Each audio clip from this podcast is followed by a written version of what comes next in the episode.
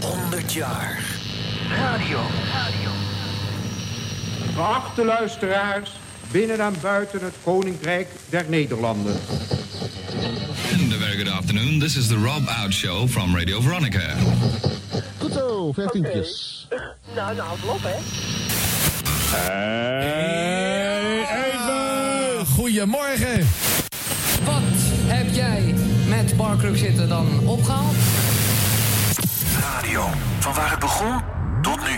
Dit is 100 jaar radio met Harm Edens en Arjan Snijders.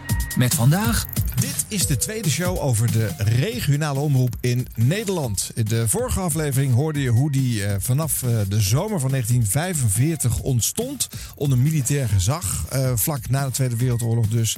En hoe die uitgroeide en vanaf 89 in elke provincie een belangrijke rol ging innemen. Ehm, hier in de studio, wederom na een week hier logeren, Rijn Tolsma. Sinds 2016 niet meer bij Omroep Friesland actief, maar daar wel heel lang geweest. Hij is nu bijvoorbeeld voorzitter van de NL Awards, de prijzen voor de regionale omroep. En ook hier Erik Post. Hij richtte mede Radio Rijnmond op en eh, beide mannen hebben heel veel ervaring. We hebben nog veel mooie fragmenten en ehm, nog heel veel leuke verhalen. Dus eh, we gaan gewoon een tweede regio-show maken. Harm, heb je er weer zin in? 100 jaar radio. Op NH Radio. Zullen we eens wat luisteren van eh, Rijnmond uit de jaren 80? Dit is 93,4 megahertz of de kabel. Informatie over de storm van vanmiddag. Een groot gedeelte van de treinverbindingen in het westen van het land is door de storm stil komen te liggen. Hofplein en Wena in het centrum van Rotterdam zijn voor alle verkeer afgesloten. Binnenblijven is het devies, als het enigszins kan. Dat is echt het veiligste. Editie half zes. Veel schade in Hoek van Holland door de storm. Een storm zo hevig dat treinen uitvallen, bussen niet meer kunnen rijden en hele wegen worden afgesloten. Dat hebben we nog maar weinig meegemaakt bij mijn herinneringen. klopt, Erik. Ook onze eigen verslaggevers zijn vanmiddag Altijd druk gelijk. met Goeie de bijdrage. storm bezig. Anouk Sollert op het Wena-terrein om te kijken. U hoort assistent-uitvoerder Vlasman voor haar microfoon. Nou, er zijn schepstijgers hangen erboven, zoals u ziet. Kijk, er hangen er nog twee. Ja. En de middelste is de wind ondergeslagen. En die is naar beneden. Een verslaggever over de storm eh, hebben we weer. Dat is Ron van der Ree. In dat grote handelsgebouw zijn een aantal ruiten ingewaaid. Zowel bij restaurant Engels als in het grote gebouw. En ook hier bij een meubelzaak zijn gewoon spontaan de ruiten uitgewaaid. Het enige advies is gewoon in Rotterdam blijven totdat deze afschuwelijke storm geloed is. Ook de sport ondervindt grote hinder van de storm. Daarover krijgt u meer nieuws van Ardi den Hoed. Ja, het is heel erg slecht gespeeld met eh, Sparta. We namen vanmiddag een kijkje op de ravage met administrateur Atlam. We zijn zowel eh, de helft van het dak van onze eretribune kwijt... als eh, toch ook wel een flink stuk van het dak van de schietribune. Ja, gebeurt wel eens vaker met een dak, zo hier en daar. Maar ja, dit is eh, ook wel eh, wat de regionale omroep vaak doet natuurlijk. Hè? Als er iets... eh, nou, Nou ja, vaak. Dit gebeurt natuurlijk zelden. Nou, Dus- dat is waar. Dus als zoiets gebeurt, Ja. dan, eh, Dan moet je vol, pak je op- groot vol uit. op de orgel. Ja. Ja. Ja, maar iets, iets regionaals bijzonders. Ja. Ze kan ook gewoon Ja. langs de bloemencorso Zeker. van de afgelopen 50 jaar. Gewoon groot regionaal nieuws. Ja. Ja. En eh annex rampen is leuk. Ja, en, en- en dit, dit soort dingen, die storm, of eh, we hebben ook wel eens een keer een, een gifbrand eh, gehad. Nou ja. Ehm, die, eh, die, die nopen natuurlijk ook tot, tot echte informatie. Ik bedoel, een bloemencorso is leuk, maar... Nee, dan, tenzij het ons eh, verkeerd afslaat. Dan Ja, moet je ja, snel... Ja, eh, dan moet je wat ja, doen. nee. Ja, ja, maar ja. Je, moet, je moet echt journalistiek werk leveren en, eh, en heel veel improviseren. En eh, nou ja, heel leuk om te doen. Ja. Uiteindelijk. Ja. IJzel in de file, heerlijk. Ja, ja, ja. ja, de hele redactie leeft op. Hè? En iedereen die geen zin heeft normaal, die loopt op de toppen van zijn kunnen. Ja. Ja. Ja. Ja. Was het ook zo snel of had jij wat geknipt, eh eh, Edwin? Nee? Het was echt eh, was net snappy, hè? Het is echt eh, hele korte fragmentjes. ja. Met natuurlijk die gouden bijdrage van ja, Erik. Ja, die, klopt. Die verdient een nipkoff schrijven. Dat is echt goed. Ja. Ik heb een eh, kerstspel van Radio Rijnmond. Een kerstspel. Ja. Radio Rijnmond pakt uit. Met voor de eerste keer in successie de grote Radio Rijnmond kerstraamversieringspoolcompetitieverkiezingswedstrijd. Religiositeitsgehalte. Check. Gezinskwantiteitsratio. Check. En de kersttak kribbigheid. Check. Alles uit de kast en voor het raam. Tot 24 december aanstaande op uw gezellige kerstzender Radio Rijnmond. We, we schrijven straks in ieder geval straks even wel uw telefoonnummer op, want er is een, een, een vogelkenner die luistert. Tot nu toe hebben we een man met een grijze, Een grijze roodstaart. grijze roodstaart. Dat schijnt een, een, een, papegaaiachtige te zijn. Het is een geel kop Amazon. We moeten wel een beetje onthouden. Nee, jij wordt ze te kennen vandaag. Jij gaat dat beest keuren. En is dat op, eh, op kleur of op smaak? Ik, ik weet het niet, René. Ik weet niet... eh, ik weet niet... nou, eh, René, zet jij de motor... motor...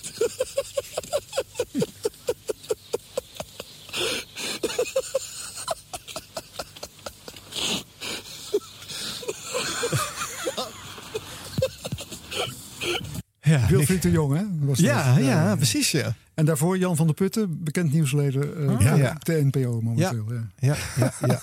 Mooi creatieve. Mensen die in de lach schieten, moet ik altijd om lachen. Dat is zo fijn. Dit is echt Dit zo zie je echt te spontaan. weinig. Ja. Zo dichtbij. Ja, dat is heel mooi. Ja. Ja.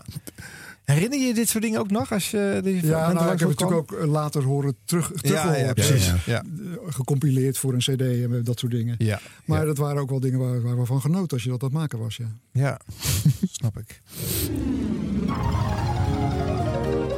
Van maandag tot en met vrijdag.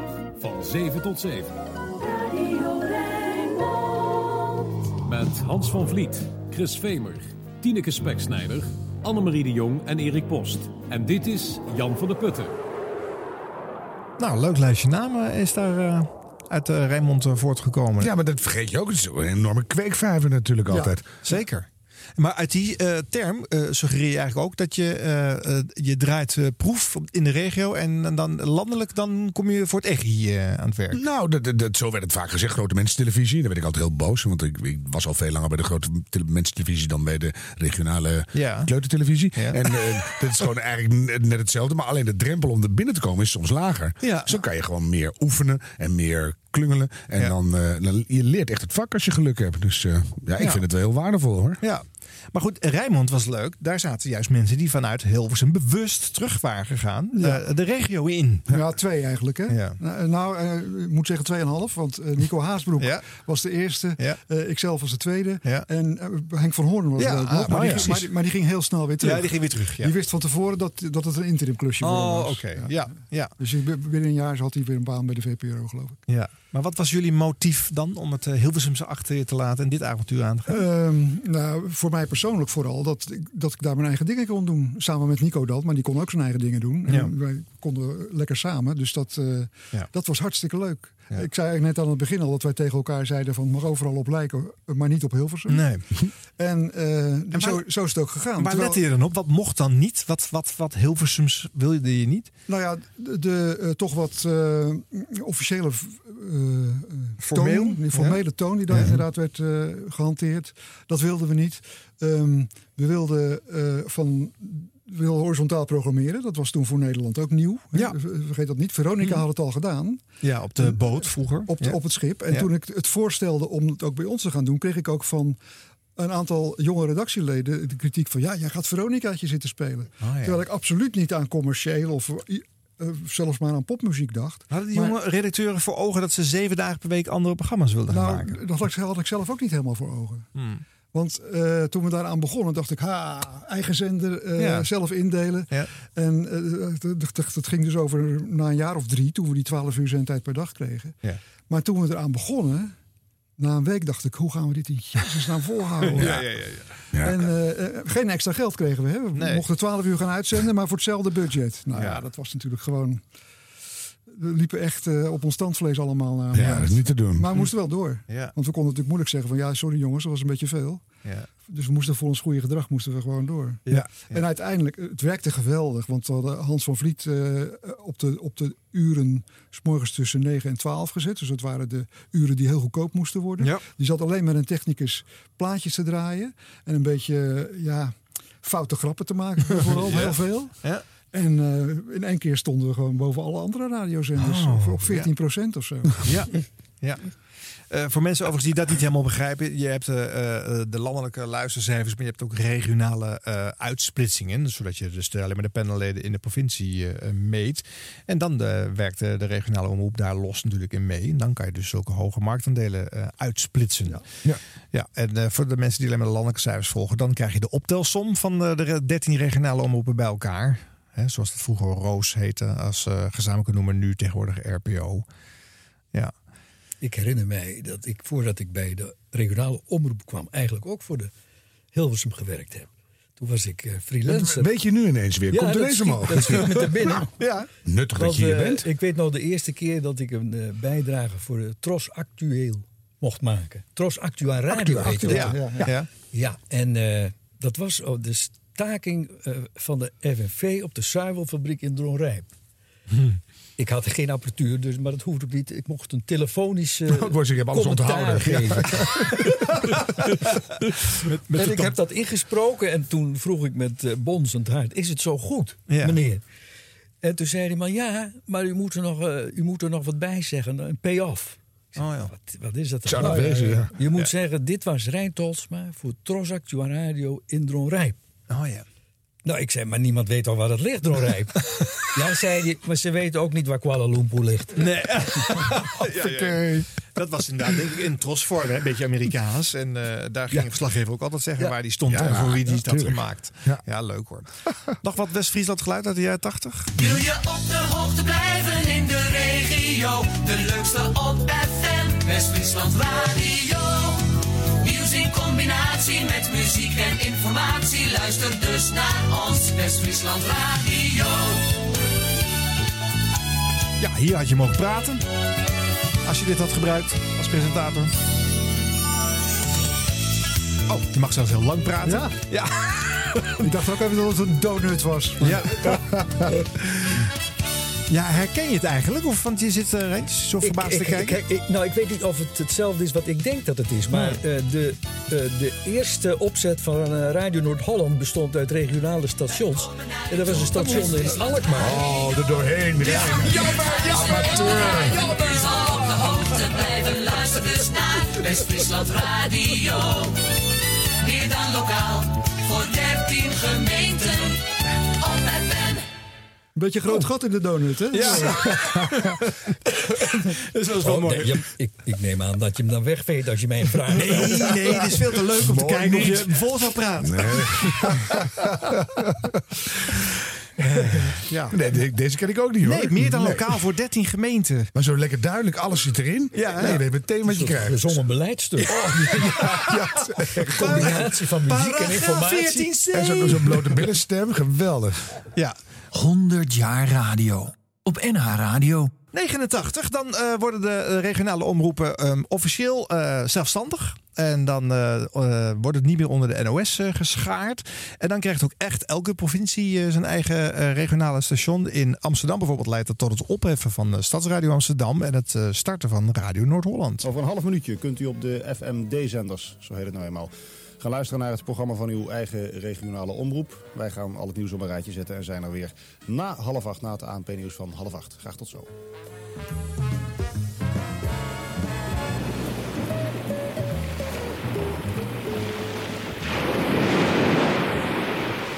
Wie water deert, die water keert. Dit is Radio Noord-Holland.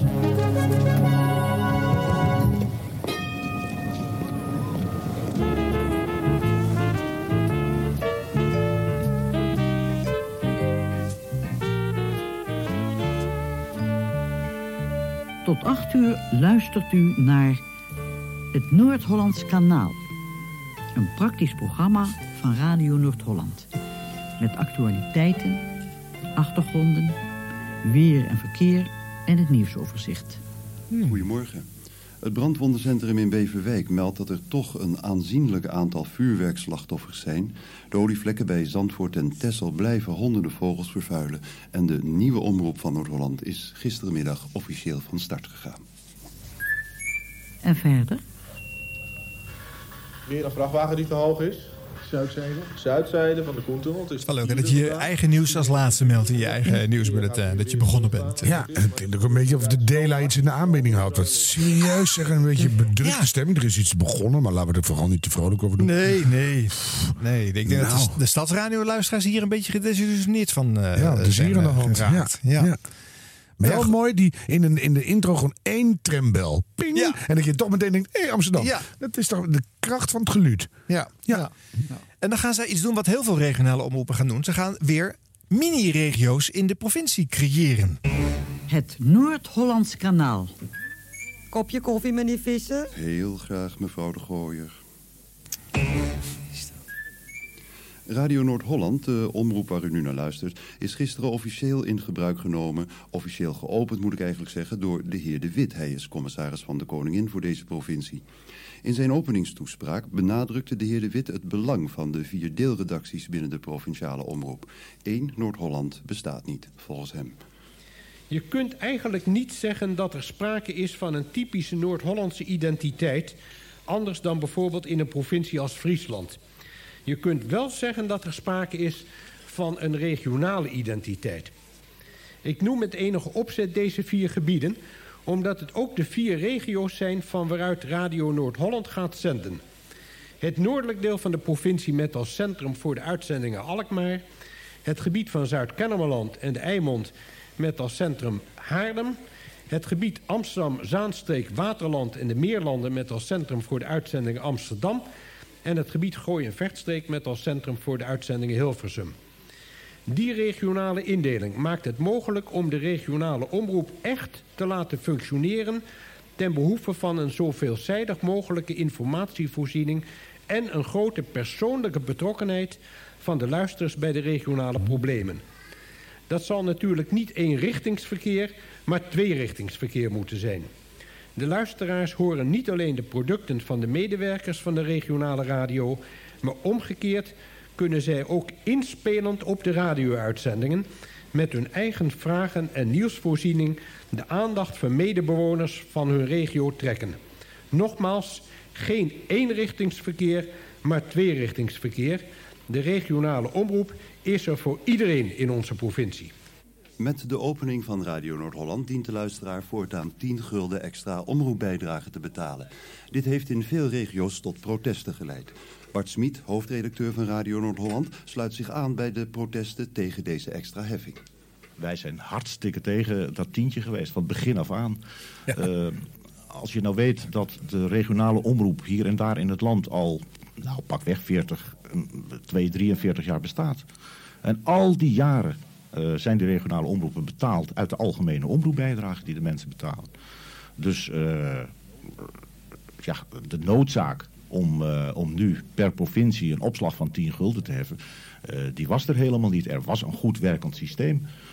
waarom dat gebeurd is, ja, dat kan je alleen maar over speculeren. Ik denk dat er geld moest komen om bijvoorbeeld de televisieplannen van de minister met Nederland 3, om die te kunnen financieren. Uh, dat is dus ook gebeurd. Nederland is er gekomen. Maar de minister had natuurlijk net zo goed gewoon de omroepbijdrage met 10 gulden kunnen verhogen. Ja. Want in heel Nederland betaalt iedereen vanaf vandaag 10 gulden meer voor de, voor de regionale omroep. Al dus Bart Smit, hoofdredacteur van Radio Noord-Holland. Ja. In en dat was, niet, dat was niet zo geweest dat mensen meer hadden moeten betalen als die via het andere kanaal had gelopen. Kennelijk. Nee. Nee, dat is een, ja. een rare redenering. Ook ja. zeggen, dat zal wel de reden zijn. En ja, die zender is er, dus dat is de reden. Dat was echt een heel droge redenering. Degelijke journalistieke opmerking. Ja.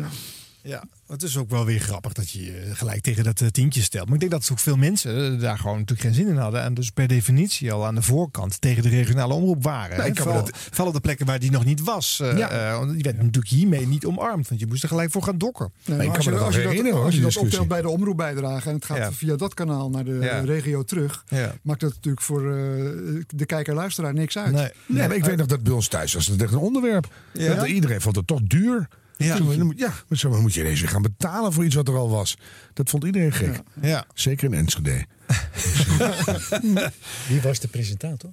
Um, oeh, dat weet ik niet. Nee, ik weet het ook niet. Nee, nee, nee. Ken je iemand vaak? Dacht je iemand? Jack Kroes. Oh ja? Ja.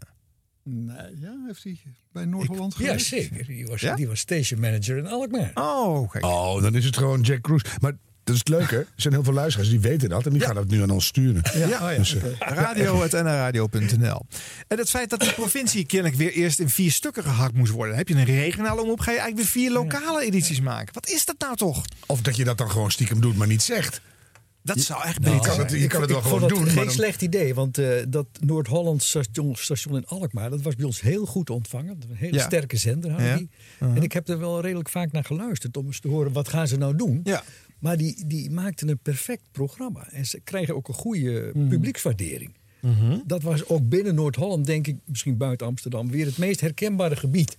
Ja. En dat, dat sloeg goed aan. En ik, vond het, ik denk ook dat ze het jammer vonden daar toen het weer opgedoekt werd in verband met bezuinigingen. Ja. ja, wij hadden in Rotterdam het probleem, en het zal in Am- in Amsterdam ongetwijfeld eh soortgelijk geweest zijn. Dat als wij onderwerpen maakten, nieuwsonderwerpen of iets dergelijks over Rotterdam. Dus een belangrijke ontwikkeling in de haven of ik noem maar wat. Dan was eigenlijk de hele regio erin geïnteresseerd. Want mensen in Oostvoorne werkten ook in de haven. En mensen in Barendrecht werkten ook in de haven. Ja. Dordrecht was nog een beetje een gevalletje apart. Dat kwam er later bij. Het viel oorspronkelijk buiten ons gebied. Ja. Eh, want dat is een, een agglomeratie apart eigenlijk Dordrecht. Dus meer een beetje tussen Brabant en Zuid-Holland in. Hmm. Ehm, maar andersom, als we een item maakten over Brielen... dan zeiden de mensen in, in Dort of de mensen in, eh, in, in Barendrecht... wat heb ik daar in godsnaam mee te Ja. maken? Wie wist Ja. niet eens waar het lag? Ja. En Rotterdammers zeker. Dus het is altijd een soort spanningsveld waar we mee hebben moeten leven. Ja. Hebben we wel een beetje opgelost door ervoor te zorgen... dat je zeker die onderwerpen uit die buitengebieden... altijd wat breder trok en wat meer eh, misschien naar het menselijke toe... of eh, nationale ontwikkelingen daarin eh meenam. Ja, precies. De- Je verhoogt de urgentie en dan Ja. hebben ze toch het idee van... Nou, Ja, het is Want- nog wel wat. Maar, en- maar het was natuurlijk eigenlijk heel, heel lullig voor die mensen in Brielen. Want die Ja. hebben ook interessante dingen om te melden. Ja. Daar moest je dan een beetje voorzichtig mee gaan zitten eh, omgaan. Maar het is- als je naar Hart van Nederland kijkt op tv, dat is gewoon allemaal prutnieuws overal vandaan. Vinden we toch boeiend. Dus Ja. met, met die argumenten die jij net geeft. Ja. Dus eh, ja, het is wel leuk. Maar weet je wat je... eh, er Zo'n soort dus- voorzichtigheid altijd regionaal. Dat je ook het gevoel hebt dat je altijd heel belangrijk moet zijn voor je het überhaupt hardop mag zeggen. Je, je mag gewoon, eh, maar als je het goed maakt, is het eigenlijk altijd Ja, interessant. maar dat, daar zeg je wat. Als je het goed maakt. Het moet natuurlijk wel. Het moet niet lullig eh briels gemaakt zijn, zal ik maar zeggen. Want dan is het niet leuk meer. Nee, zelfs niet voor Brielen. Zelfs niet voor Brielen. Nee, precies. Nee. precies. Maar is niet eigenlijk het feit dat eh menig regionale omroep eh, eh, zijn eigen provincie weer in stukjes ging hakken, eh, had je daar niet van moeten zeggen, moet eigenlijk eh, eh, eh, nou, bijvoorbeeld een randstedelijke omroep creëren. Je moet gewoon andere Ja. vlekken maken. Dus we hebben nu topografische indelingen eh, leidend laten zijn in, in hoe die eh, zenders zijn ingericht. Ja, daar heeft de Roos wel eens een plan voor gemaakt. Want er Ja. zijn in Nederland 24 regio's, Mhm. als je dat uitzoekt, waar mensen in een gebied wonen waar ze nog op elkaar betrokken zijn. Ja, ja. En die komen overeen met de brandweerregio's. Oh ja. Limburg heeft twee brandweerregio's, Gelderland drie volgens mij. zelfs. Ja, zeker. Ja. Rivierengebied, Veluwe en Achterhoek. Ja. Eh, Oost ook twee. Zwolle en Twente, die, Ja. die lussen elkaar ook niet. hè. Nee, nee. Groningen, Friesland, Drenthe, dus ook één brandweerregio. Nou, Noord-Holland-Noord is ook een brandweerregio, denk Ja. ik. Ja. Ja. Dus dat, maar dat, dat, dat strijdt weer met de indeling per provincie. Want Ja. dan krijg je weer eh, gemeenschappelijke regelingen. Dus het is nooit zo ver gekomen. Nee, Maar- maar goed, dat had je natuurlijk aan de, hier is in 89 iets nieuws gecreëerd. Hier had dat gerepareerd, al Ja. aan de voorkant gerepareerd kunnen Ja. worden. Want hierna zijn we allemaal lokale omroepen eh, ontstaan. Hè? 360 geloof ik. Hebben we lokalen, ja, ja, ja, ja, ja. dat, dat zijn allemaal weer ook weer gekke Die zitten elkaar deels weer in de weg. Hoe onhandig is dat nou toch allemaal? Maar ja, aan de andere kant moet je als een prutlandje Nederland ook niet de potentie hebben dat je zo interessant bent dat je 24 regionale zenders nodig hebt. Get over it. We hebben een mooi landelijk bestel. Ben ik heel, vind ik eigenlijk fantastisch nog steeds. En dan dat we, dat we al die regionale omroepen hebben nu, die het af en toe heel goed doen en soms niet. Nou, dat vind ik eigenlijk heel bijzonder. Ja. Dus ik, ben, ik vind het helemaal niet zo slecht hoe dat nu ontwikkeld is. Nee, eh, misschien zou je het ook meer aan het particuliere initiatief moeten eh, overlaten. Ik bedoel, als je ziet dat een, een meisje in een van de dorpen in Drenthe miljoenen mensen bereikt door haar eh, rubriek waarin ze nagellak eh, rec- recenseert. Ja. Mhm. En een mevrouw in Tiel, die eh, test seksspeeltjes op zolder. Doet het Nou ook ja. heel goed. Ja, nou ja, Dat en, heb jij dan weer gezien, Harm. ja. maar, maar, maar wie zou haar dat recht willen ontnemen? Nee, ja. ik bedoel, maar dan kan je gewoon als Maar wat wil je wat wil je daarmee dat zeggen, moet, wil ik zeggen dat, dat het wat mij betreft allemaal mag bestaan. Als je Ja. maar niet verwacht dat we daar met z'n allen eh, voor gaan opdraaien. Nee, dus als nee. mensen dat zelf willen maken, Ja. en Oh, zeker, op zo'n manier, zeker ja. met internet, dan kun je, Ja. natuurlijk- kun je, maar ik kun je heb- duizenden verschillende zenders maken. Dat Ik heb een schitterende item gedraaid over die mevrouw in Tiel op één oog hoor. Dat was heel leuk om daarheen te gaan. Waarom heb ik dat niet gezien? nou ja, dat kan je nog terugzien. Dat is jaren geleden. dat is vrij bizar, moet je zeggen. Maar dat, dat, dat zou je landelijk, ja misschien ook wel. Maar het is in ieder geval regionaal kan je dat fantastisch maken. Dus eh, Ja. ja. Ik heb nu nog één stukje van een van de andere zenders die in 89 ontstond. eh, Radio Drenthe.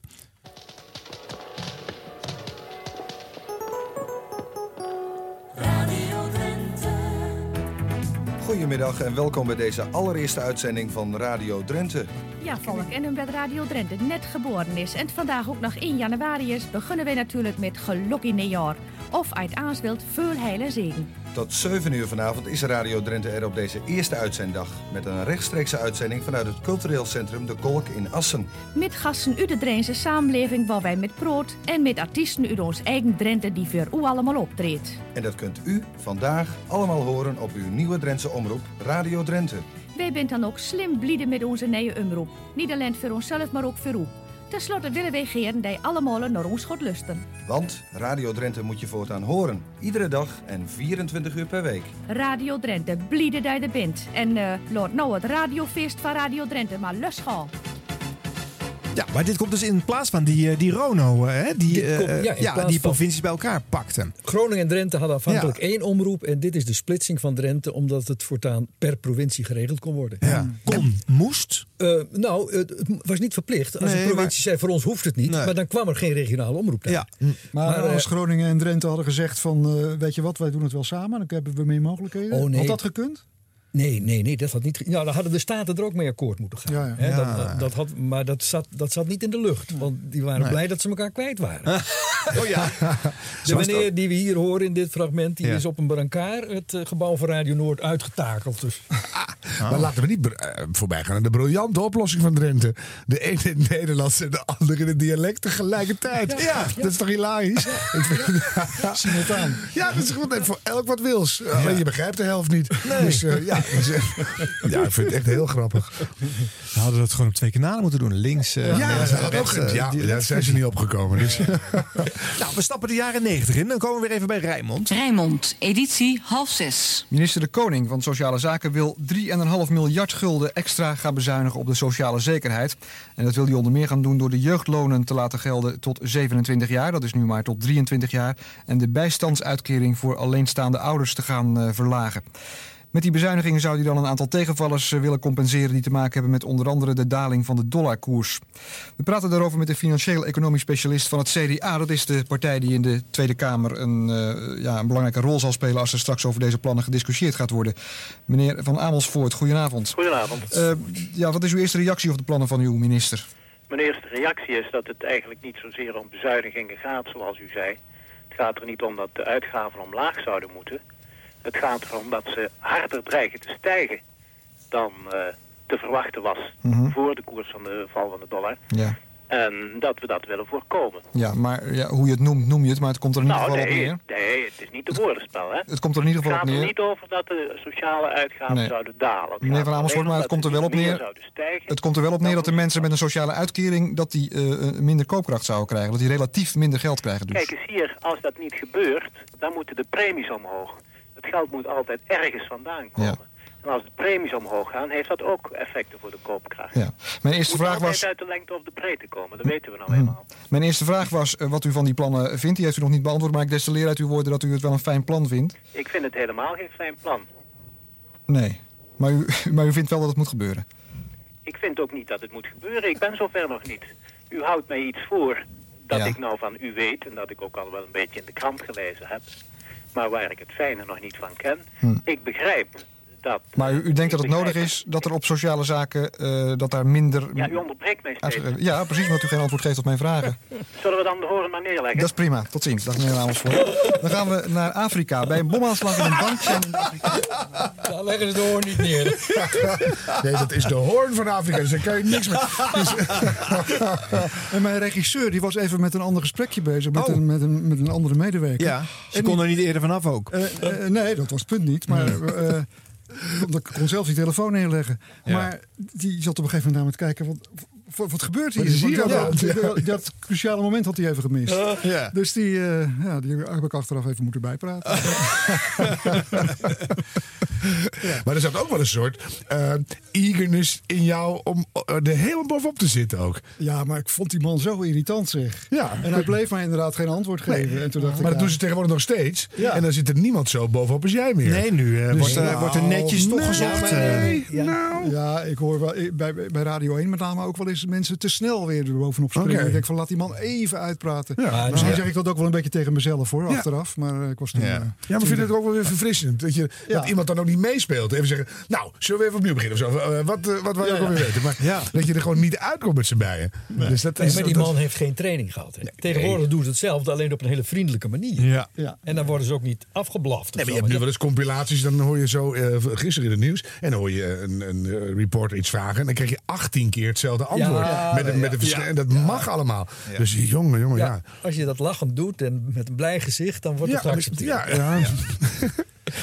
ja.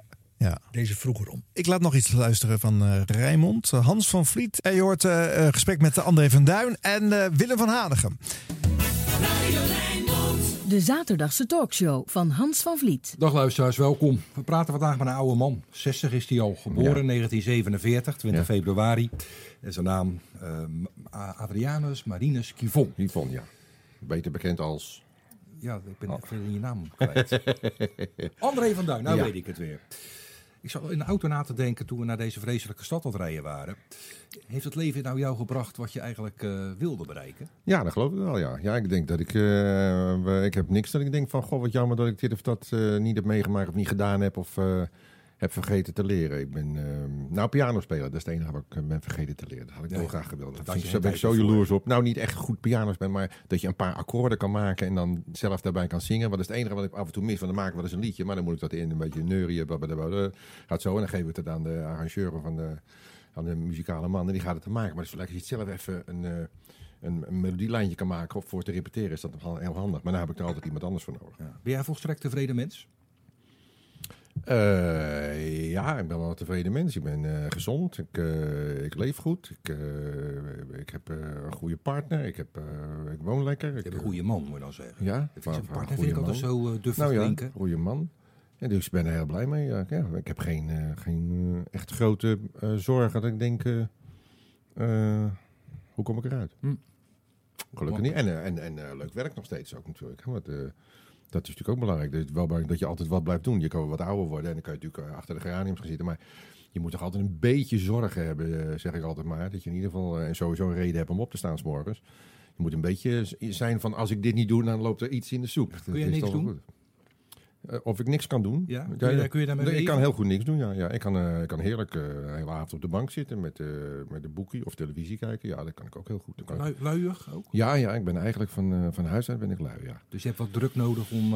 Ja, een beetje wel, ja. Maar dat heb ik. Ik heb Joop van den Ende en die geeft wel druk, hoor. Ja, ja. Word je wel eens moe van? ja, daar word je wel eens moe van. Kun je ja. nee zeggen tegen zo'n man? Nee, eigenlijk niet. Ja, ik zeg wel eens nee. En dan zeg ik, ah, lult toch die man. En, ah, maar hij weet dat ik dan toch daarover na ga denken. Nee, maar als een wedstrijd als een scheet is, kan je niet zeggen dat hij lekker ruikt. Slecht is slecht. Ja, maar jij kon er dan toch wel iets van maken dat het toch wat minder slecht was als wat wij dachten. En wat de mensen ook dachten. Jij kon thuis, als de mensen thuis zaten, dat hoorde ik, ik hoorde dat toch veel van mensen later. Dat ze vaak gewoon eh, naar jou zaten te luisteren in plaats van naar al die anderen. Dat is toch niet voor niets. Je, natuurlijk zijn die mensen ook wel Feyenoorder. Maar ook op de manier zoals jij het bracht. Dat was eigenlijk ook... Dat was meer entertainend als dat, dat, hetgeen wat jij over mij zegt. Jij, de- wat jij denkt... Want ik, ik heb soms... Ik zei net tegen eh, Kees... Ik stelde wel eens, zet wel eens mijn auto... langs de kant van de weg 's morgens. Want dan zat ik naar jouw radioprogramma te luisteren. Maar dan denk ik... Als ik nou goddverdikkie te ver rijd... dan heb je kans dat het wegvalt. Dus ik denk, ik wil even luisteren tot het programma afgelopen is. Dan stond ik gewoon een tijd langs de snelweg. Ik en later dacht ik, wat ben ik nou een of andere randebiel? Zit ik nou van Vliet te luisteren? Ik denk, ik ga me niet verder. Want... En wat, ik had ook wel eens dat ik hem wegdrukte. Nou, dan moest ik hem gaan zoeken. Maar je krijgt hem niet overal in de, in de dinges buiten... Rotterdam. buiten- ja, en, nou ja, ik woonde dan in, eh, in Haarlem. En als je een stukje voorbij Haarlem reed, dan was het heel moeilijk om hem te ontvangen. Maar waarom ga je daar dan wonen? Ja, omdat mijn, mijn, eh, mijn vrouw daar vandaan kwam. Ja, nou, dat, dat, dat hou je toch gelijk weg, dat gevoel. Dan zeggen we gaan in Rotterdam wonen, voor Hans. Nou ja, dat, dat is misschien dat is wel een fout geweest van me. Kom ik nou om jou te niet dat je mij kwalijk neemt. Dat, ja. Nou, ik heb het al die jaren eerlijk gezegd nooit begrepen. Nee. En waarom zou hij daar nou nooit rekening mee hebben gehouden? Ja, nee, Want wij dat kunnen is- wegvallen. Dat is gewoon heel stom. Maar ik dacht eh, dat ik hele mooie auto's had. Dus met ook hele goede radio's. Maar het bleek dat in soms hele goede auto's klote radio's zaten. En in, in, in de klote auto's altijd hele goede radio's zat. Ja, dat is wel mooi. Hè? Dat hij eigenlijk niet had mogen verhuizen omdat hij dan de zender niet meer kan, eh, kan ontvangen. Ja, leuke radio. ehm, maar het had ook wel gemaakt kunnen worden in Hilversum, toch? Nou, Willem van Hanegem is behoorlijk Rotterdams. Hoor, kan ik je Ja, maar we kunnen hem gewoon volgen. En het is nog steeds een leuk gesprek. Ja, ja, dat bedoel je. Ik- ik plaag Ja. maar wat, hè, maar ik Ja, ja, probeer- ja. Nee, de- dat had gekund, ja. Heel, had zo'n programma rustig kunnen maken, maar... eh, Maar ze ja, deden het Rij- niet. Nee, Rijnmond heeft het gemaakt. En, eh, en Hans van Vliet en Van Hanegem hadden ook een soort bijzondere band, dat hoor Ja, je wel. ja, precies. En de vraag, de vraag is of een willekeurige sportverslaggever in Hilversum diezelfde band met hem Ja. had. Ja, dat kan. Ja. Nou, dat is waar. Ja. Sinds ik eh, nu 13 jaar ook bij Omroep Gelderland dingen doe, dan krijg je andere verhalen. Ja. Omdat je de moeite laat zien dat je niet alleen maar een Hilversumse fluim bent die daar een seizoenetje komt bijsnabbelen, maar dat je daar en woont en werkt en je moeite daar doet. Dat, dat moet ik eerlijk nageven, dat is absoluut zo. Dan En- krijg je gewoon eh, meer respons. En Rijnmond kan ook lekker chauvinistisch doen natuurlijk over Feyenoord. Die heeft die ruimte om dat te doen. Hè? Dat is bijvoorbeeld iets wat hier weer niet kan. Want moet je dan Ajax of AZ aanhangen? Weet Ah, je landelijk ook niet. Kan je niet ineens Nee. eh, Feyenoord Nee. een loftrompet Nee, gaan steken. En vergeet niet, dat, dat weet niet iedereen in de rest van het land. Maar Hans, Hans van Vliet was de voetbalverslaggever van Rijnmond. Mhm. Die in zijn eentje zo'n hele wedstrijd zat te verslaan. Oh ja. Dat gebeurt sindsdien helemaal niet meer. Er staan Nee. altijd minimaal twee mensen. Ja. En eh, die rete populair was bij het publiek. Want dan deed hij ook nog eens een keer een muziekprogramma met allemaal foute grappen. In. Ja, ja. Stelde ik al. Ja. En dus die, ja, dat was gewoon een soort fenomeen. Ja. En, eh, Nee, dat weten we, dat weten we inderdaad niet. Ja. Nee. Er viel me nog eens op aan dat andere fragment eh, dat er ook allemaal internationaal nieuws in zat. En dat jij ook bijvoorbeeld naar Afrikaans nieuws overschakelt. Wij gedroegen ons als een, eh, zeiden we zelf altijd, als een regionale krant. Dus dat betekent dat we de regionale eh, nieuwsfeiten natuurlijk melden. Maar we vonden dat Rotterdammers en Rijnmonders ook recht hadden om te weten wat er in Amerika gebeurde. Of, dat na- namen we dus mee, maar wel in een andere prioriteit en in een andere Ja. volgorde. Ja. landelijke omroepen dat zouden Ja. doen. Bij ons kwam natuurlijk altijd Rotterdam en Rijnmond voorop. Ja. En eh, ja, wat er ergens eh, in een ander werelddeel gebeurde, dat kwam dan als, als derde of vierde bericht. Ja. En En van- Rijn, hoe deden jullie dat dan bij Friesland? Ja, nee, dat, de- vanaf het begin ook zonder NOS-nieuws? Of... We hebben nooit NOS nieuws. Ja, Nee. behalve dan toen we nog eh, maar een paar uur per dag uitzonden. Ja, ja. Maar toen we met die 12 uur begonnen. Ja. Nee, ik zeg het trouwens verkeerd. Toen we eh, een paar uur per dag hadden, gebruikten we die juist ook om ieder uur een nieuwsbulletin te maken van een paar minuten. En daarna kwam dan Hilversum 3 terug. En dan het volgende uur weer een paar minuutjes ons eigen nieuws eh, Ja. als eerste. Nee, dat deed, Friesland niet. Die, die is er sinds een paar jaar nu mee, zijn ze er wel toe gedwongen. Omdat er niet meer een gezamenlijk eh, Nederlandstalig aanbod is van nieuws. Wat eh, tussen de regionale omroepen was afgesproken. Maar iedereen haakte af. Ja. Omdat iedereen het op de manier van Rijnmond is gaan doen. Ja. Zelf het nieuws samenstellen en op, een, op je eigen manier. Zodat je ook van die dubbelingen af bent. En dat zou in Rijnmond veel vaker voorkomen dan in Friesland. Want zo vaak zaten wij er niet in het NOS-nieuws. Nee, dat was het probleem het was veel, het was Ja. veel makkelijker. Want je hoeft je daar heel niet, helemaal niet mee Nee. te bemoeien. En voordat je het weet heb je een buitenlandredactie met een archivaris en een secretaresse en een kantoor. Ja. Dat loopt helemaal uit de hand. Maar ze doen het nu wel, Ja. sinds Ja, ik ja. weg ben. Ah, Nee, ja, ja. ja, ja. ja, ja. Ja, ik krijg hier nog steeds op mijn vingers hoor. Als er te veel eh, nationaal of zelfs internationaal nieuws tussendoor sijpelt. En ja, de wereld houdt natuurlijk niet op bij de provinciegrenzen. En sommige dingen heeft iedereen het over. Dus ook hier mensen in, in Noord-Holland Ja, zeggen dat is toch wel leuk juist. Ja, ja. Geeft iets meer cachet aan het Nee, daar zijn we niet voor. Daar hebben- zijn we niet voor uitgevonden. Of daar eh, gaat de vergunning niet over, krijg je dan te Nee, horen. maar je hoeft niet hele reportages te doen, maar even te noemen wat er allemaal aan de hand is, vind ik wel goed. Andere Ja. prioriteit. Ja. Het Rotterdams Dagblad brengt toch ook internationaal nieuws? Ja, Er wordt zeker. Niks raars aan. Nee. Nee. nee. Grappig. Eh, zegt jou de volgende omschrijving iets? Eh, Radio Rijnmond terug naar het Wilde Westen. Ja, Ja. zeker, ja. Leuk? Dat is een reportageserie. eh, het Oude Westen in. Het Oude Westen is een bekende wijk in Rotterdam. Ja, oh ja. In Rotterdam-West. Ja. Dat zal je niet verbazen.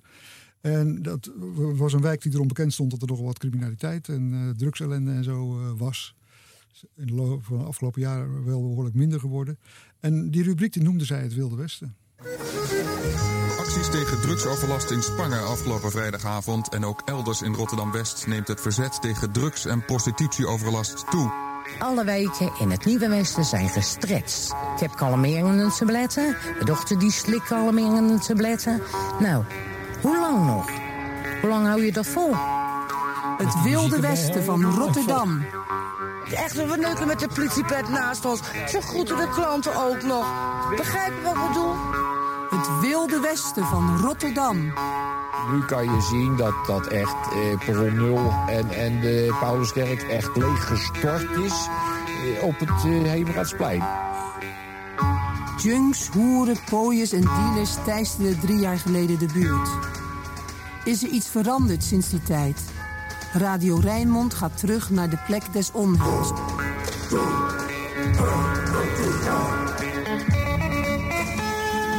Allemaal oude huizen, hè? Ja. ja, kijk, en nou komen we bij de hoek bij de Davidstraat. Hoek uh, Davidstraat Hoydrecht. Nou, het is wel verzorgd, hè, dit. eh, Ja. ja. Gemaakt door Babs Assink en Mieke van der Linden. Ja. Maar zit- je bent toch meteen verkocht als je dit hoort? Ja. Je zit er meteen in. Dus ik vind het heel mooi. Ja. Zou het nog steeds kunnen zo? Tuurlijk. Misschien juist net, weer misschien. net iets flitsender gemonteerd. Of maakt niet uit, omdat dat makkelijker is tegenwoordig. Maar, Ja. eh, nou, ik zag vorig jaar van goed. Rijnmond, maar dat is dan tv, dat ze met een cameraploeg een week lang in een bepaalde wijk zitten. Ja. Elke dag Ja. eh, reportages Ja. maken. Ja. Dat is weer een aanpak die weer in deze tijd pakt. Ja, precies, ja. ja. Nou, nog eentje dan om het af te leren. Eh Koninginnedag 1992. Nou, we zijn net de Koninginnenbrug over. Volgens mij heeft ze even een kruisje geslagen. Ze gaat nu rechtsaf. Misschien zie ik weer Prins Klaus. Die zag ik net ook. Ja, die zie ik weer. Op een of andere manier zit hij met, eh, met zijn eh, linkerhand steeds aan zijn, aan zijn kin. Hij kijkt heel erg bespiegelend op een of andere manier. Hij kijkt ook niet echt naar buiten nu. Eh, tegenover hem, degene die tegenover hem zit, kan alleen maar een hand zien. Daar wordt wel gezwaaid. Maar Prins Klaus is enigszins bespiegelend aan het nadenken of die hef nou gesloopt moet worden of niet. Ja, voor mij mag die blijven staan hoor. We gaan er nu in ieder geval onderdoor. Het blijft toch een fantastisch ding om te zien. Zeker met die oranje banieren. Half eh, ingescheurd. Wilfried Ziet er heel erg mooi uit. Ja. Op een eh, motorfiets. Op een motorfiets. Op een motorfiets, Oké. Nou, Ja. dan gaan we weer beginnen dames en heren aan die fantastische Willemsbrug. En dat wordt een probleem. Wat wordt het een probleem? Want de renners hebben het zwaar. Ik kijk even naar de kopgroep. Ze zijn op dit moment ehm, op 100 meter van het hoogste punt van die brug aangekomen. En het is onmiddellijk de koningin die de, die de kop gaat nemen. Die gaat van kop af aan. Gaat hij daar de puntjes binnenhalen? Dat denk ik haast wel. Klaus achterop. Dit wordt een probleem. Want eh, even, kijk, kijk even achterom. Nee hoor, ze zijn, duidelijk weg. Het peloton is helemaal gezien. Dat kunnen we helemaal laten, links laten liggen. Het blijft echt eh, tussen die 15 mensen beperkt. Ik zie dat die zeven prinsjes die daar ook in het gelid eh, achter de koningin aanrijden. Een tandje gaat er nu af bij Prins Klaus, geloof ik. Zie ik dat goed? Ja hoor. Prins Klaus moet lossen. Nee, hij wordt bijgetrokken nu. Hij wordt bijgetrokken. Hij vraagt om hulp. Kennelijk is er iets met zijn, met zijn derailleur aan de hand. Ja, dan komt de wagen aangereden om daar wat olie tussen te spuiten. Nu gaat het weer goed. Prins Klaus nu precies gelijk met Beatrix. Nog 50 meter voor het hoogste punt van de Willemsbrug, dames en heren. Het is ontzettend spannend en ondertussen zwaaien de kinderen met vlaggetjes zoals ze overal met vlaggetjes gezwaaid hebben. Het is nog 25 meter. De koningin zet aan. Die kijkt nog even achterom van jongens, waar blijven jullie nou? Zie ik daar Chiappucci zonder nek? Nee, dat is niet Chiappucci. Dat moet eh, ja, een van de mensen van de Rijksvoorlichtingsdienst zijn. Die hebben nog 10 meter. En het is, ja, de koningin blijft gewoon op kop rijden. Er is helemaal niets aan de hand hier. Zij gaat heel rustig die punten binnenhalen voor de bergprijs. Het zijn een punt of 30. Prins Klaus als tweede met 15. En de kleine puntjes die worden binnengehaald door de kleine prinsjes. Met in het laatste wiel Floris die eh, achterom kijkt van eh, waar wij blijven eten stak. Ja, dat weet ik. Wij, eh, René, hebben wij eten bij ons voor de jongens? Ja, krentenbollen. Krentenbollen, Floris, we hebben krentenbollen. Nee, hij wil niet eh, langs zij komen. Dus ik, eh, ja, ik ben even benieuwd hoe het met het peloton staat. Maar daar hebben we geen verslaggever. Wie weet is er iemand op de Koolsingel. Ja. Wat een talent, hè? Ja, daar moesten we toch weer om lachen. Winfried de Jong. En eh, eh, ja, dit is dan wel Rijnmond. Hè? Ik, ik kan even geen andere regionale omroep bedenken die dat zo gedaan zou hebben. Hè? Want nee. ja, het Koningshuis en ontzag is natuurlijk in de Nijds wel een beetje vanaf. Maar dit, Wel weer het andere uiterste. Ja. En hij reed met die motor inderdaad vlak eh, bij die auto in de buurt. Ja. Waar de koningin in zat. En eh, ja, veel mensen langs de kant herkenden hem ook. We hadden ook, ook nog iets in die uitzending met een lied. Dat gezongen moest worden langs de route. Ehm, terwijl zij daar langs reed, kregen ze dat te horen. Maar dat moest dus wel tegelijkertijd, door alle mensen in die menigte, moest Ja. dat tegelijkertijd. eh, dus onder, zoveel men- onder zoveel meter hadden we iemand staan die dat met een oortje meezong. En, eh, ja. De koningin zat hier in een auto. Ja, die kwam. Dat was een eh Koninginnedag waarop ze in Rotterdam dat vierden. Nee, snap ik. Maar ik, had, ik, ik, ik krijg nu allemaal beelden die Ja, er helemaal niet zijn. Dat ze over die brug aan het fietsen waren. Met, met dus ik denk, Hey. zo beeldend is het. Ik denk, dan zouden ze dat misschien historisch op gewoon hoge fietsen. Rustig daar over die nieuwe brug fietsen. Maar dan was ik gewoon in een auto. Allemaal eh, uit het brein van. Dat sloeg helemaal, helemaal nergens op. Echt nog leuker. Nog leuker. Ja. ja. hebben toch wel eens gefietst, maar dat is misschien Amalia die laatst voor het eerst naar school ging. Volgens mij of zo. Wil, Wilhelmina in 1945. Toen Ja. ze terug- Ja, die, eh, met een waterfiets. banden. Nee, ze was juist weer de eerste met rubberbanden. Dat, eh, Ja, zij wel. Oh ja, zij wel als enige, ja. Maar hij was toch een begrip op die motor.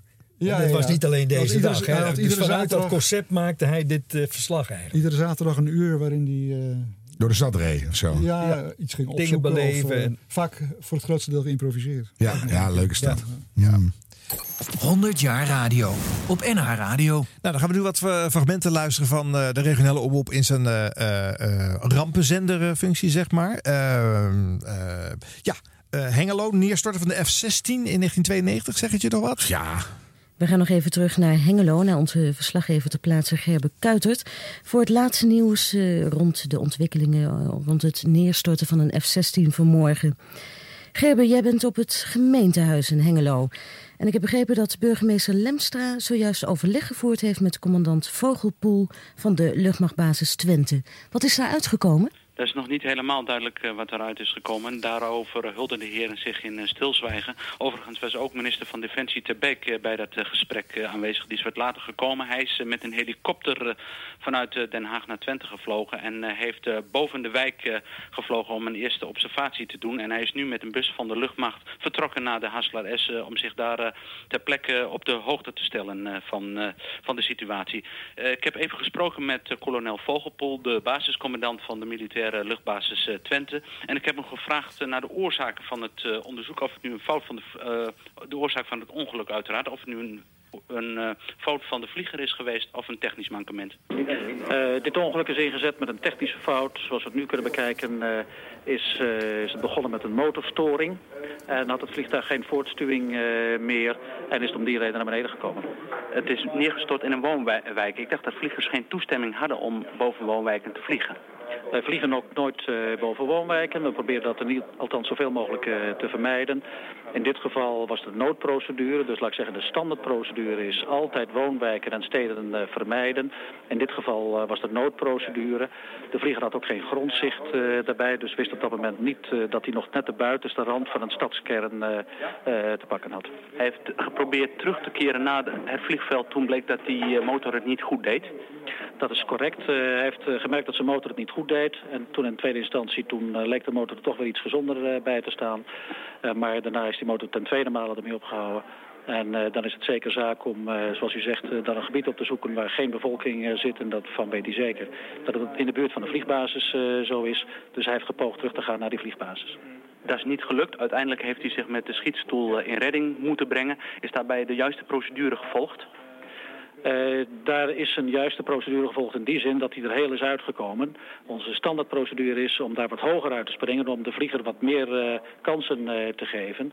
Maar omdat hij op het laatste moment bemerkte dat hij toch in de buurt van een, van een woonwijk was gekomen, is hij langer blijven zitten dan normaal, dan de standaardprocedure. En hij is op het laatste moment eruit gegaan. Maar de schietstoel heeft kennelijk heel goed gewerkt, want dat is allemaal goed afgelopen. Dank u wel. Praten we verder met ja. minister uh, Terbeek van Defensie... die vanmorgen onmiddellijk nadat hij te horen heeft gekregen... wat er was gebeurd in Hengelo... met een helikopter uh, hier naartoe is gekomen. Eerste reactie, meneer Terbeek? Nou, een, een mengeling. Eh, geschokt en opgelucht. Geschokt over wat gebeurd is.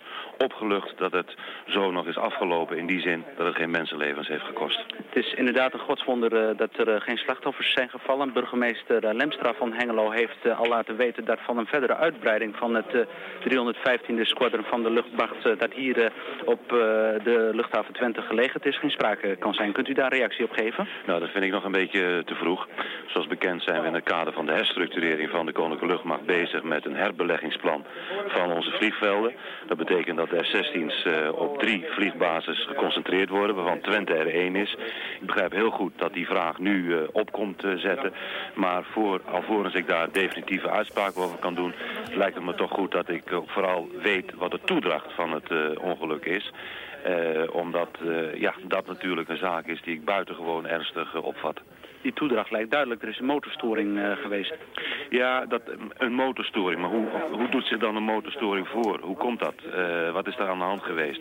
Wat waren de oorzaken dat eh, de piloot, waarvoor ik grote bewondering heb, wat hij gepresteerd heeft. maar wat waren de oorzaken dat de piloot toch niet verder bij die woonwijk weg kon komen? Nou, dat soort dingen, dat soort vragen moeten nog opgehelderd worden. En dat wil ik allemaal weten. En ook mijn aanwezigheid hier blijkt twee dingen. Belangstelling, ook meeleven met, eh, met de mensen hier. Maar ook eh, dat ik die zaak echt serieus opneem. En dat was Gerben Kuitert vanuit Hengelo met het laatste nieuws rond het neerstorten van de F-16 vanmorgen in een woonwijk in Hengelo. En als er meer nieuws is nog deze uitzending, dan melden we u dat direct. Zouden bij dit soort voorvallen de mensen in deze periode als eerste reflex hebben gehad om de regionale omroep aan te zetten, denken jullie? Nu? Toen? Bedoel, in de toen?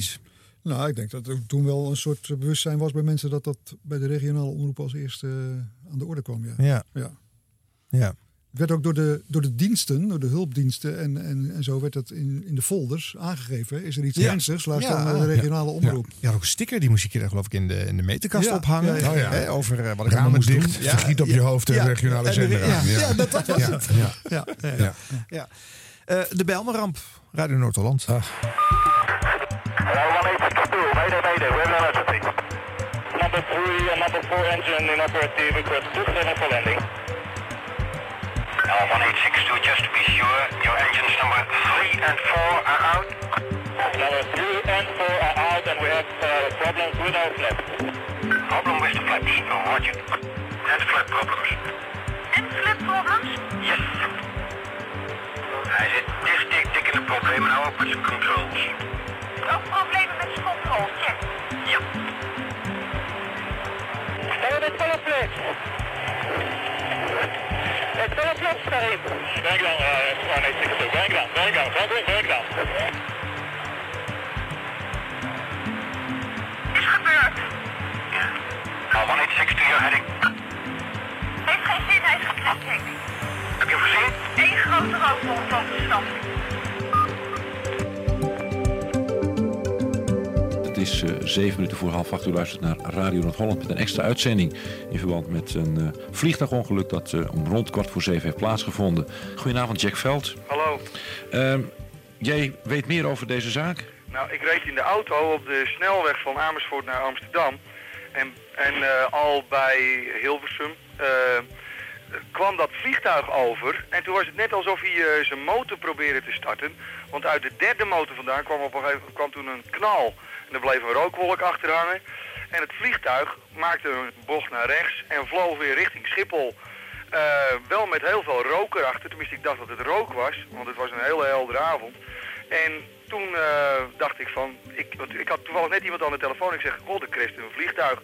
Maar er gebeurde niks. Het vliegtuig was uit zicht. En kwam eh, vijf, nou, drie minuten daarna weer terug. Hij maakte een hele grote ronde. Ik zag dus dat hij heel veel kerosine loosde. En toen maakte hij een scherpe bocht naar rechts. En plotseling in die bocht ging zijn rechtervleugel zo ver naar beneden... dat hij met zijn neus naar beneden dook. En twee seconden voordat hij eh, beneden eh, aan- op de grond eh, lag... gingen alle lichten aan van dat vliegtuig. En toen was het een enorme knal. En ja, toen was er een vuurzee. Nou, dat, dat, het was wel 500 meter hoog, denk ik. Als het goed is, eh, is ook Jeroen Dirks eh, ter plaatse aangekomen. Goedenavond, Jeroen. Ja, Adrie, het is hier pure paniek. Ambulances rijden af en aan. En niemand weet precies hoeveel doden er zouden zijn, hoeveel slachtoffers zouden zijn. Maar dat hier een gigantische ramp aan de gang is, dat is duidelijk. De flat staat in brand. De politie vecht op dit moment met de pers hier vlak voor me. Wij mogen niet meer door. Ik probeer je op de hoogte te houden, Adrie. Oké, dankjewel Jeroen Dirks. Ik zat met mijn broer tv te kijken. En toen hoorden we opeens een vliegtuig. Maar ik, toen wist ik in mezelf dat er een ongeluk zou gebeuren. En toen hoorden we het opeens heel hard. Dus toen ging mijn broer naar buiten en opeens een ontploffing. En toen vloog mijn broer weg. En toen zag ik zo die, die, die vleugel van die vliegtuig in ons huis. En, en, alles, en alles was in brand. Dus toen rende ik naar de badkamer. En toen, toen dacht ik van nee, als ik in de badkamer blijf ga ik dood. Ben ik naar de buurvrouw gegaan. Ben ik daar naar binnen gegaan en ik wou eigenlijk de alarmnummer bellen, maar die, die draad was door. De, de lijnen waren dood op dat moment. Ik was verder in de flat En zij was op een super, uh, tupperware-party. Maar de knal heb ik wel gehoord. Zij is uh, gewond geraakt? Ja, ze is gesprongen van uh, twee hoog, hè. Deze ook. Oh, drie van drie hoog naar beneden gesprongen? Drie hoog naar beneden. En op een gegeven ogenblik, ja. Je hebt de kinderen ook uit het raam gegooid? Ja, die kinderen hebben we naar beneden gegooid en het baby was er ook bij. Dus op een gegeven ogenblik kwamen we allemaal naar beneden terecht.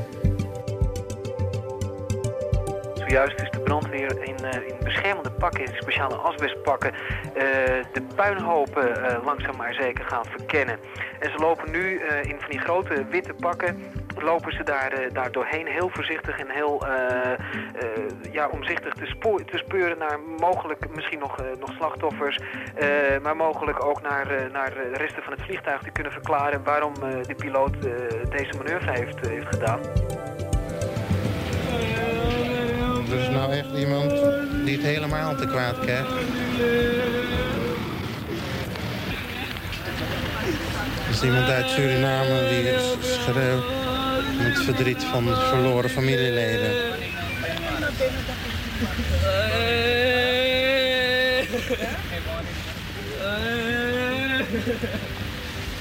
Nu wordt de meneer weggeleid met familie en vrienden. We zijn naar het politiebureau gegaan en uh, daar hulp aangeboden aan de mensen die dat nodig hadden. Uh, er waren heel wat kleine kindertjes, een stuk of tien kleine kindertjes. De meesten hadden dan alleen maar hun pamper om of een truitje. Dus ze waren heel slecht gekleed. Gauw naar huis gegaan, wat kleding opgehaald. En de kinderen wat warms aangegeven. En wat wondjes verzorgd. 50 gezinnen hebben zich nu bij u gemeld? gezinnen hebben zich gemeld. Personen. 50 personen. Waarvan één persoon, misschien drie personen, waarvan drie personen vermist zijn. Kijk als hier, hè. Dat is gewoon één gezin. Eén persoon, die vermist drie personen. En hier nog uh, twee. En hier die vermist vijf personen. Hier die vermist vier personen. Dus het is heel moeilijk te schatten hoeveel mensen we ongeveer op het lijst hebben, de lijst hebben staan. Ja.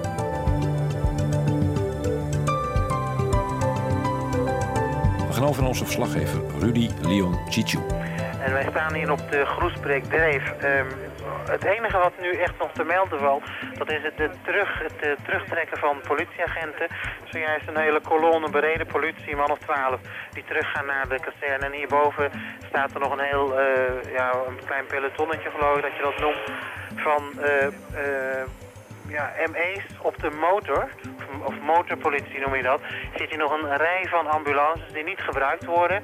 En verder is het eigenlijk alleen maar het kanaliseren van uh, de totale actie om zometeen, en men heeft geroepen, dat is nog niet bevestigd, dat men in de ochtend de flat in wil gaan op zoek naar uh, ja, overlevenden durf ik haast niet meer te zeggen, maar in ieder geval op zoek naar uh, stoffelijke overschotten of ander bewijsmateriaal van de ramp die zich heeft afgespeeld. Dankjewel Rudy, Leon Chichu. grillig, grandioze griebers, puinhoop, rotzooi, glas, alles stuk. Dus die, die flats die direct daarbij betrokken waren. Hè? Dus, dus zeg maar de eerste flats van het stuk wat er tussenuit is. En daar die flats die daar aan grenzen, daar is alles puin. Slachtoffers gevonden. Iets. We gaan uh, rechtstreeks over naar het stadhuis... waar burgemeester Van Tijn op dit moment een persconferentie geeft. Uitgeschakeld. Uh, het geen, geen simpele operatie is. Vervolgens... Uh, zal met het oog op nog uh, resterend instortingsgevaar... Uh, zullen er uh, stutwerkzaamheden moeten plaatsvinden... om de, de veiligheid van het personeel te kunnen waarborgen. En dat zal ook nog geruime tijd in beslag nemen. En dan kunnen de reddingspelotons naar binnen, dat is de volgorde... Er wordt koortsachtig uh, gewerkt om dat uh, zo snel mogelijk uh, te laten geschieden. Maar de schatting van, van de brandweer is dat nog tot morgenochtend kan duren voordat het zover is. Intussen is er veel gebeurd om de, de opvang te regelen en uh, informatie te verstrekken aan uh, mensen die uh, informatie willen hebben. Daar zijn inmiddels in de loop van de avond allerlei mededelingen over gedaan... die, ik nu op dit moment niet zal herhalen... tenzij u daar concrete vragen nog over heeft. Ik zou het hierbij op dit moment Ja, dit was ook landelijk nieuws, hè, natuurlijk. Nou, meteen. Ja. ja. Dus dan, dan worstelt hij weer met wat voeg je dan nog toe als uh, regionale omroep. Ja. Ze waren natuurlijk eerder. Ze ja. kenden wat meer uh, ingangen en dingen. Ingangen ja. en routes. Maar wat voor fragment is dit? Met dat muziekje. Is dat een compilatie? een compilatie. Maar als historische compilatie of uh, toen ook al zo aan het eind van de dag uitgezonden? Nee, of zo? nee, nee, nee. want het is zo'n raar muziekje erbij dat je denkt, jeetje. Ja, oké. Okay. Nee, Het is een, een, een compilatie, een terugblik van, uh, van deze hele periode bij elkaar. Ja. Maar het lijkt zo dichtbij nog, hè? Ja. Ik weet precies waar ik zat op een restaurant aan de Singel 4 oktober. Mhm. Mm -hmm. En dat je dan meteen weet van, jeetje mina, ja. Ja. Ja. Maar hoe groter het nieuws is, hoe moeilijker het is voor de regionale omroep om zijn plek te vinden. Ja. Dat je bij die gijzelingen ook. Je wordt meteen aan de kant gedonderd. Ja, je? dat ook. Maar als, uh, als ze landelijk uh, continu live uitzenden, uh, ja. toen alleen radio, dan. ja, ik denk dat het dan moeilijker is om je plekje te. Hmm. Ja. in de ether nog uh, te vinden. Maar vooral in dat eerste begin, als zoiets net gebeurd is, uh, dan ben je natuurlijk vaak wel de eerste. Dan, je bent er gewoon sneller. Jouw, jouw mensen wonen om de hoek, ja. of die zitten in de kroeg op de, op de hoek. Ja. Of, uh, ja. Ik weet dat uh, toevallig een aantal collega's, ik werkte toen nog in Hilversum toen dat gebeurde. Een aantal collega's van mij die zaten samen in een Amsterdamse kroeg. Want ja, als je met omroepcollega's uit Hilversum naar de kroeg gaat, ga je natuurlijk naar Amsterdam. Dus ja. Uh, en die waren dus ook heel snel ter plekke. Ja. En uh, dat zaten een uur later uh, als verslaggevers in de uitzendingen van Hilversum. Ja. Dus er heeft Radio Noord-Holland ongetwijfeld de gevolgen van ondervonden. Dat ja. ze ja. daar ineens allemaal mensen uit Hilversum tegenkwamen met hun eigen apparatuur. En ja. dat werkt in dat geval heel snel. Maar ik merk het bij mezelf, als, het, als er internationaal iets is, dan krijg je bij de NOS een, een aankondiging dat er iets is. Dan ga je meteen naar CNN. Ja. En dan, ja, blijf, ik, dan blijf ik daar gewoon ja. hangen. Want ja. daar gebeurt het. Ja, en zelfs dat niet eens. Nu ga je naar, naar social media. Ja, en, uh, ja, nee, dat zo snel gaat het. Ja. Ik wil het op groot beeld zien. Ah. Nou, Apple TV'tje, dan kan je zo streamen hoor. Ja, ja, ongelooflijk ja. ja. Radio Oost, de vuurwerkramp in Enschede. Ja, die zaten er wel echt dichterbij dan de rest van de media. Auto's tot ver in de omtrek, al het glaswerk is eruit. Mensen zijn in paniek. Mensen lopen met, met, met wonden, met glasscherven. En noem het allemaal. Het is hier echt ja, ik wil niet overdrijven, maar het is echt één groot oorlogsgebied lijkt wel. Het is hier vreselijk. Er zijn diverse panden in de binnenstad van Enschede, bij de grosfabriek, dus uh, helemaal in de fik. Overal, maar dan ook echt overal liggen dakpannen af. Ik sta nu zeker, nou, misschien wel uh, 5, 6, 7, 800 meter van, uh, van, van het gebeuren af in de Kwartelstraat, in de Merelstraat. Het is echt, echt het is ongelooflijk wat hier gebeurt. Het is, het is niet te beschrijven dit. Ja, ik heb een chronologische compilatie van 18 minuten als bonus aan het eind van deze podcast van uh, deze vuurwerkramp. Uh, zoals het verslagen is ja. op Radio Oost. Want dat is een. ja, dat was, dat was echt beter dan de landelijke media ja, konden doen. Ja. Toen weet ik nog wel dat ik kwam s'avonds. Ik, ik zat in Hummelo op het terras van de Gouden Karper. En mijn ouders wonen in Enschede en die belden op. Het lijkt wel dat ze straaljagers overvliegen. Dus die wisten, die belden zo snel op dat toen er nog niet bekend was wat er aan de hand Ja, was. ja. En Ja. omdat er net de mobiele telefoon eh, een beetje groter werd, vrij snel wist je alles. Ja. En toen keken we s'avonds naar het landelijke nieuws en die bleven maar herhalen. En het regionale nieuws was veel beter Ja. toen. Dus het was een bizar, verschil eigenlijk. Ja. Dat hadden betere beelden omdat ze er eerder waren. Gewoon. Ja, en Ja. en ingangen bij de lokale mensen die dingen gefilmd hadden. En eh, ja, ja. Een fragment van de uitvaart van Pim Fortuyn, eh, zoals Rijmond het versloeg. Want ook dat zat dichterbij. On- on- On-Nederlandse proporties hè, heb je het allemaal. Maar het is, eh, daar waren, ja, daar blijkt toch wel uit dat hij dus eh, wel ontzettend geliefd was bij de mensen. In, in toch korte tijd, ja, hoe die het... en dat kan je niet ontkennen, want die, ook het, ja, de verdriet bij die mensen en de verslagenheid en ook ja, woede, noem maar op. Dat is al, het is wel echt. Het, is geen, eh, het zijn geen opgeklopte, het is echt. En dat is toch wel opmerkelijk, vind ik. Nou, de mensen die beginnen steeds harder eh, te klappen. De agenten hebben op hun antennes zwarte rouwlintjes zitten. Het zijn eh, zes, nee acht motoragenten zie ik nu. En daarachter een politiewagen. En ja, mensen beginnen nu bloemen te gooien. Bovenop het dak van de witte eh, lijkwagen liggen al een heleboel bloemen. En om mij heen beginnen nu ook de mensen mee te klappen. Heel veel bloemen worden op de wagen gegooid. Dat zie je nu toch echt duidelijk. En nu gaat hij voor het gemeentehuis langs. Voor de vlag van de gemeente Rotterdam die half stok hangt. En men blijft klappen. U heeft een zonnebloem gegooid. Ja, ik heb een zonnebloem. Het was ons zonnetje.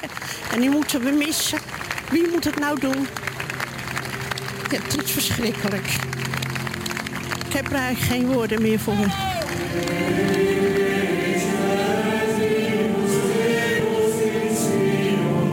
Broeders en zusters, we zijn hier vandaag bijeen om afscheid te nemen van de maandag om het leven gebrachte Wim Fortuyn. Graag wil ik allereerst mede namens onze geloofsgemeenschap ons oprecht meeleven betuigen aan allen die door dit onverwachte en onherstelbare verlies getroffen zijn. Zijn familieleden, zijn vrienden en vele sympathisanten in het land. Het volk wat in jou de stem kreeg waar het zo lang naar heeft gezocht, zal de waardering en weerslag moeten krijgen die het verdient. De begrijpelijke boosheid en verdriet die er bij ons en op straat aanwezig is, mag niet ontaarden in geweld.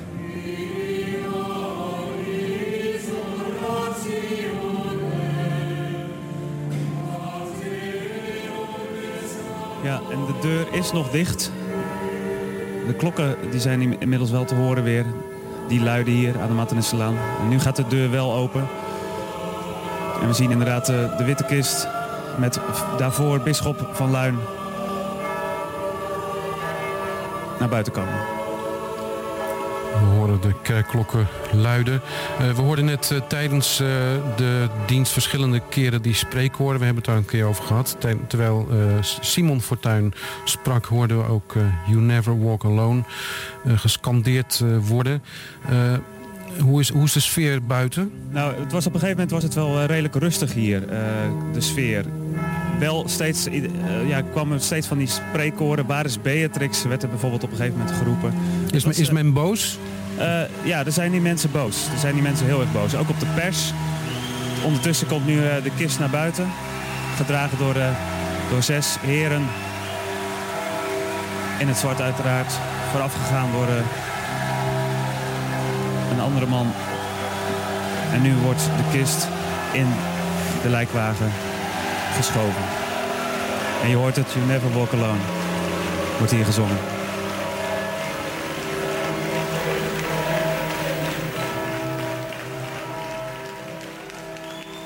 Ja, het is mooie radio. Ja. Ik zit me wel nog af te vragen. Ik denk dat het ook voornamelijk op televisie bekeken is hè, door de mensen. En niet zozeer meer op de radio geluisterd. Zou je niet denken? Ja, dat zou best kunnen. Ja. Hoewel je ook altijd op dat soort momenten weer in de auto zat. Ja, dus ik heb best veel historisch, uh, historische gebeurtenissen toch net weer... Omdat je, je meegemaakt. Ja, omdat je dan net niet in Rotterdam was of daar net niks mee te maken had. En dan was je weer onderweg en dan hoorde je dat toch. Ja. Ook veel vo belangrijke voetbalwedstrijden, noem maar op. Dus allemaal radio. Ja. Dus ja. Ja. Ik vind, ik vind het mooi gemaakt dit ook. Ja. Ik krijg een soort kippenvel als ik er nu weer naar luister door elkaar heen. En uh, prachtig. Ja. Ja. Het geeft ook aan waar radio sterk in is. Hè? Of misschien moet ik inmiddels zeggen was. Maar mm -hmm. kan dan misschien via internet weer opgelost worden. Maar het geluidsbeeld en die spreekkoren op de achtergrond en zo. Ja. Volgens mij kun je in die kwaliteit die beleving nooit in, uh, in beeld overzetten. Nee, maar dan is het te veel afleiding. Ja, ja dan kijk je naar ja. het gebouw en de kist. En, Ja. en nu, nu Ja. moet je het zelf het plaatje vormen. Ja. Precies. En, het- en het is heel indringend. Ja. Ja. Zeker. Maar het is eh, een, een evenement wat van tevoren goed geproduceerd is. Ook voor radio. Mhm. Van waar gaan we staan, wat gaan we doen, Ja, pakken we het aan. ja. ja. En bij tv denken ze onmiddellijk, waar is het beeld? Waar moeten we zijn met die camera's? En ze zijn beperkter. Dus wat dat betreft, hier kan radio heel sterk in zijn. Ja. In het live verslaan van evenementen. ja. En je bent maar de- ik moet zeggen, tv ook. Ik eh vergeet nooit weer eh, de eerste eh, eh, geweld op straat met eh Mijn de Tulker in Leeuwarden. Oh ja. Hadden wij ook onze eerste live uitzending met de toespraak van burgemeester Apotheker, waar ze nog een deel live in Nieuwsuur kwam. ja. Dat was ook eh, indrukwekkend. Op zo'n vol plein, s'avonds en Ja, ja. op een gedragen manier. dan doet het beeld juist wel wat meer, vind ik. Ja. Ja. Nou, ik zeg Ja. niet zozeer dat de ene beter is dan de andere. hè, Maar ik probeer eigenlijk vooral te ontdekken of, eh, of wat de rol van radio daar nu in de 21ste eeuw nog in kan zijn. Hè? Want ja, je bent snel, je kan uh, overal bij zijn, maar online kan je tegenwoordig eigenlijk ook alles wel volgen. Ja, ja, we hadden het net over, over dat voetbal en Hans van Vliet. Uh, ja er zijn nog steeds mensen die zeggen: ik luister liever naar de radio naar een belangrijke ja. wedstrijd. Ja. dan dat ik naar de tv ga zitten kijken. Omdat je de emotie uit het stadion meer meekrijgt. Enzovoort, ja. enzovoort. Nou, dat geloof ik zeker. Daar ga ik één fragmentje van draaien. Uh, FC Kampioen uh, op Radio Oost. Zo leuk. Ik sta hier bij de voorzitter Joop Munsterman. Joop, live Radio Oost. Wat is de eerste reactie? ja, niet te geloven. Het is toch niet te geloven wat er nu gebeurt.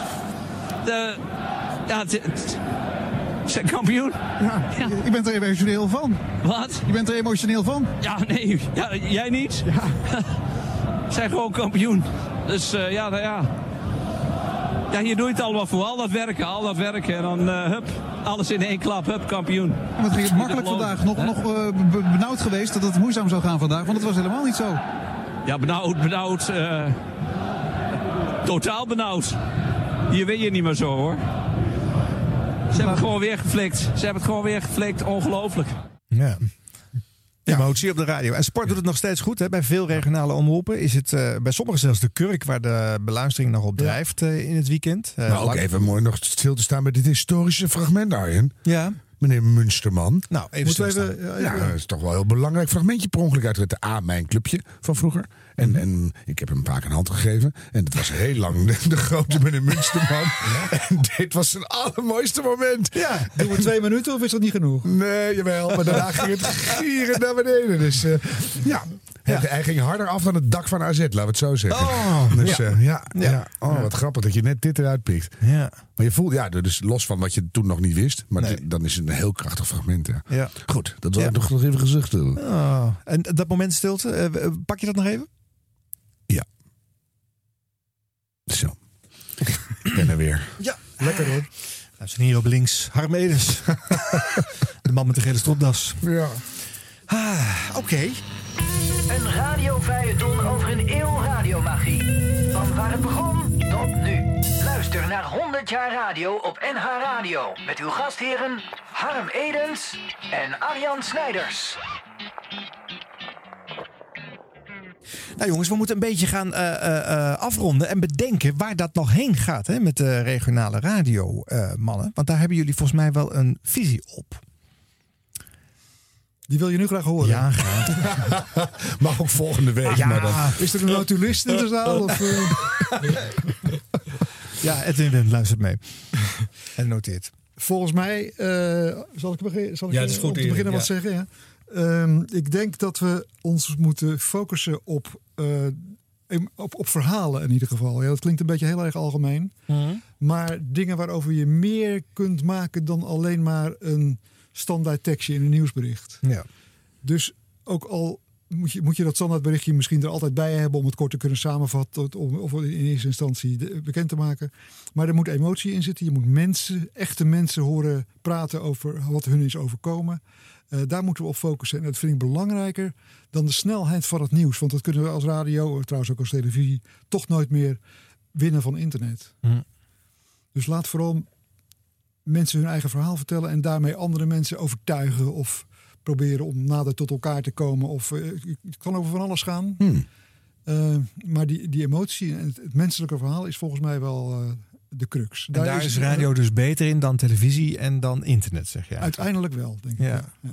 En dat je het, het, het, dagelijkse vluchtige regionale nieuws ook zodanig kan behandelen. En waar je de mogelijkheid ziet, koppel je daar persoonlijke verhalen aan. En anders laat je het los en dan maak je losse persoonlijke verhalen die je mooi vindt om te vertellen. Ja, maar je kunt het een, inderdaad. Kijk, ik werk nu voor het Verhalenhuis in Rotterdam. Hebben jullie nooit van gehoord? Zeker wel. Ja, okay. ja. Dat is een club die probeert uh, verschillende groepen binnen de bevolking. Heeft niks met Rijnmond te maken, dus. Mm -hmm. een, andere stichting. En daar werk ik als vrijwilliger. Om verschillende groepen in de stad tot elkaar te brengen. Dus dat kunnen zijn, dan denk je natuurlijk gelijk aan migranten en uh, mensen ja. uit het buitenland afkomstig. Maar het zijn ook jongeren en ouderen. En uh, mensen met een universitaire studie tegenover mensen met alleen maar lagere school. Of nog niet eens. En die mensen die proberen met elkaar in contact te brengen door ze in dat verhalenhuis hun eigen verhaal te laten vertellen. Ze eten daar samen. De ene cultuur kookt voor de andere. Ja. Er zijn soms muzikanten bij. Er is aan het verhalenhuis vast verbonden een fotograaf. Is een van de oprichters. Die maakt dan portretten van die groepen en, uh, en van individuele mensen. En als je dan ziet wat er gebeurt, dat mensen mensen hebben elkaar allemaal iets te vertellen. En ze herkennen ook allemaal iets in elkaars verhalen. Ja. Ook al hebben ze van tevoren nooit iemand uit die groep ontmoet. Nee.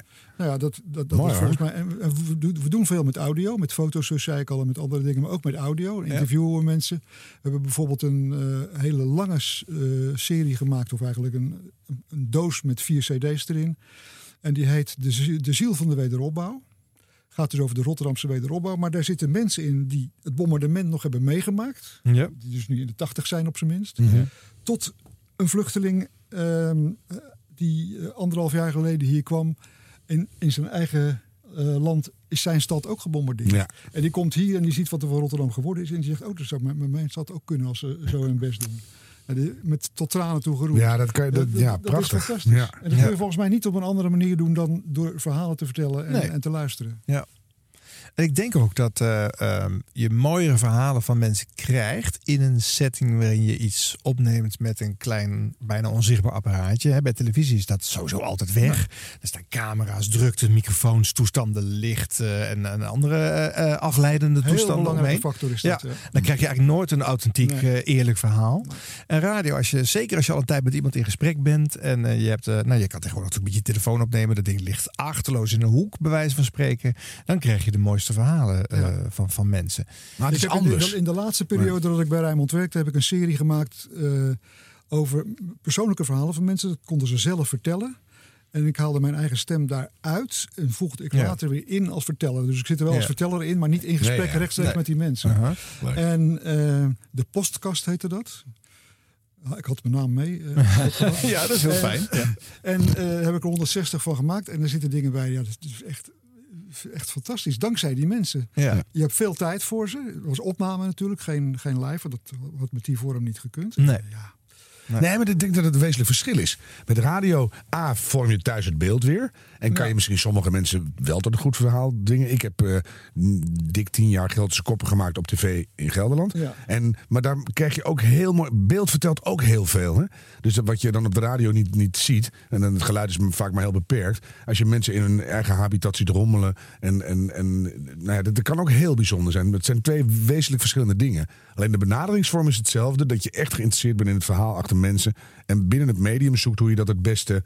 eh, voor het voetlicht brengt. En, Ja, eh, ja. Maar dat, dat radio zich daarbij uitstek op hun manier verleent, dat is absoluut zo. Ja. Precies, ja. Ja, En, en ja. Die, die punten moet je dus uitbuiten. Die, die, eh, En het is ook een beetje een kwestie van het management. Er moet wel aandacht zijn voor radio. Want dat komt niet uit zichzelf. En ruimte. ja. En eh, dat gezeur over geld, dat staat me ook wel eens wat tegen. Want als je dat vergelijkt met andere instellingen en bedrijven trouwens ook.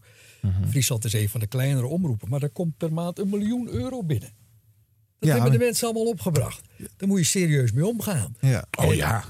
Ja, maar Absoluut. het wordt nu wel eens te makkelijk inderdaad naar dure dingen eh, geschoven eh, qua tv. Ja. Maar al die onderdelen moeten hun eh, invulling krijgen. Ah, maar die tv die werkt ook heel lean en mean. hoor. Maar ik snap wat je bedoelt. Gelukkig heb ik daar bij die omroep qua politiek niet zo'n beeld van. Daar bemoei ik me ook niet mee. Maar ik heb wel het gevoel, gek genoeg, dat al die regionale medewerkers keihard werken. Dus er wordt iedereen die, die werkt zich suf voor die 1 Ja. euro. Dus eh, dat, ja, dat is toch wel, het is wel heel mooi. Nou, We dat is sowieso veel- waar, want wij hebben allebei eh eh Hilversumse ervaring en Nog steeds. regionale ervaring. En eh, er is het, qua arbeidsethos bij de regionale omroep aanzienlijk meer te halen eh, dan bij de landelijke. Het is niet snel goed genoeg, regionaal. We, we doen altijd als laatste het licht uit overal. Dus, ja. Ja. Ja. Nou, leuk toch? Ja. Zolang het toch kan.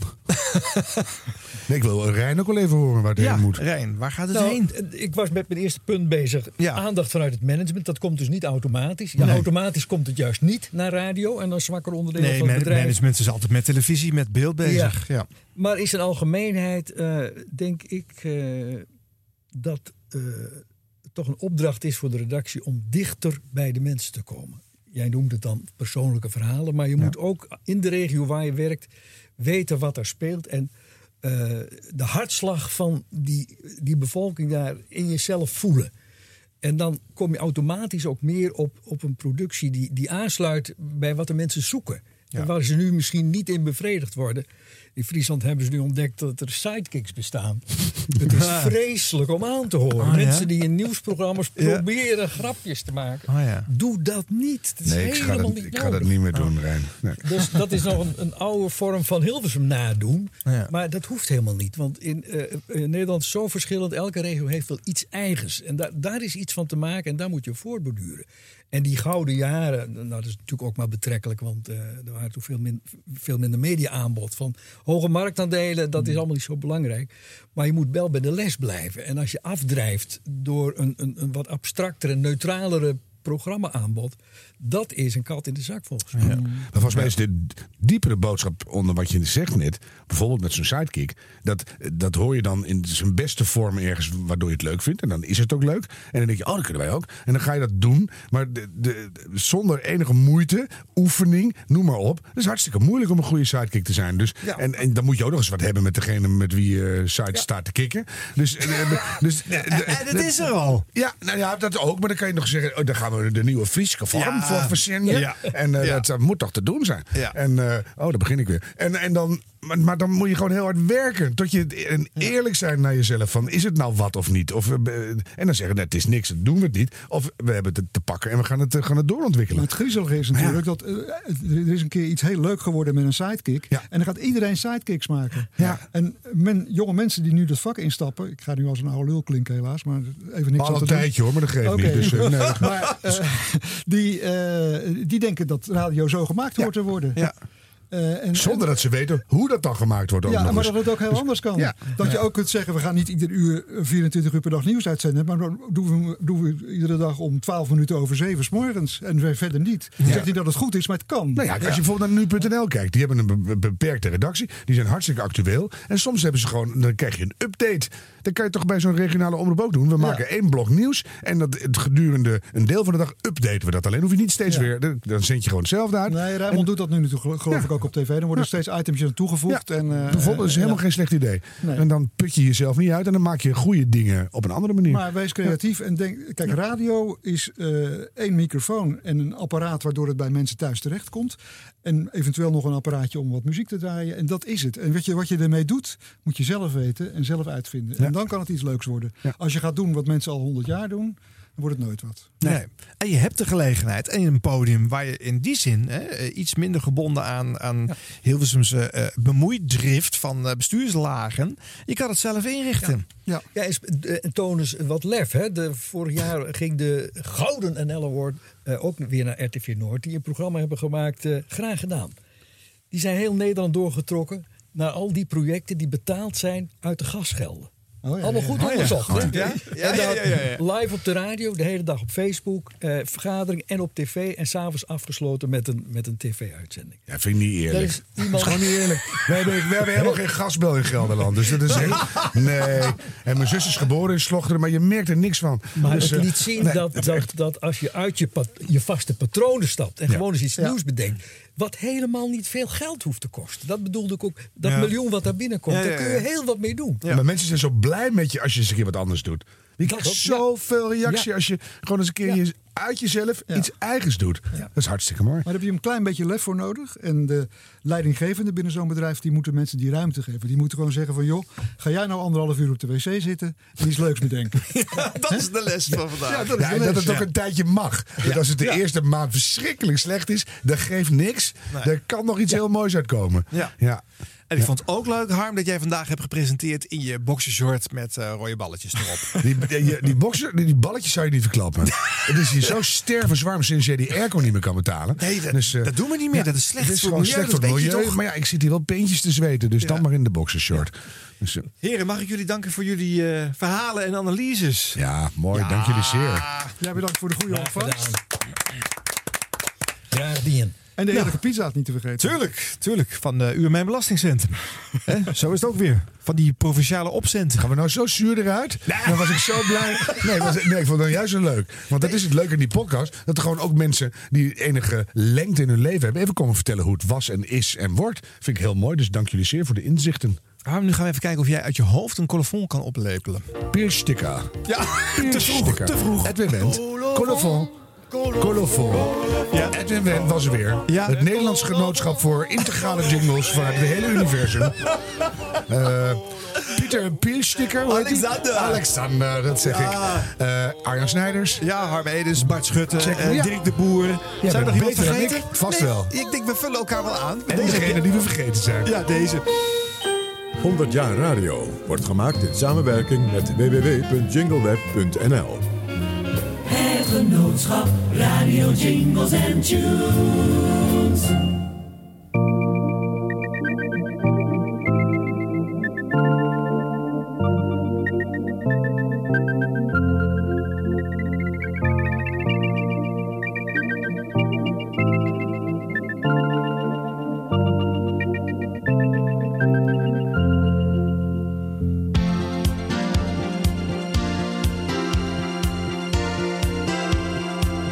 Dit is Omroep Limburg.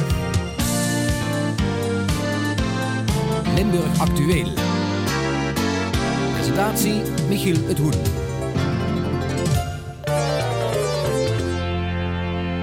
Tot 9 uur Limburg Actueel met Wim Steinbusch.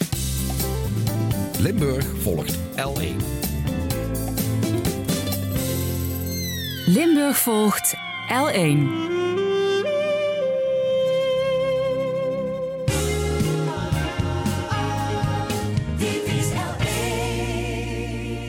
Limburg volgt L1.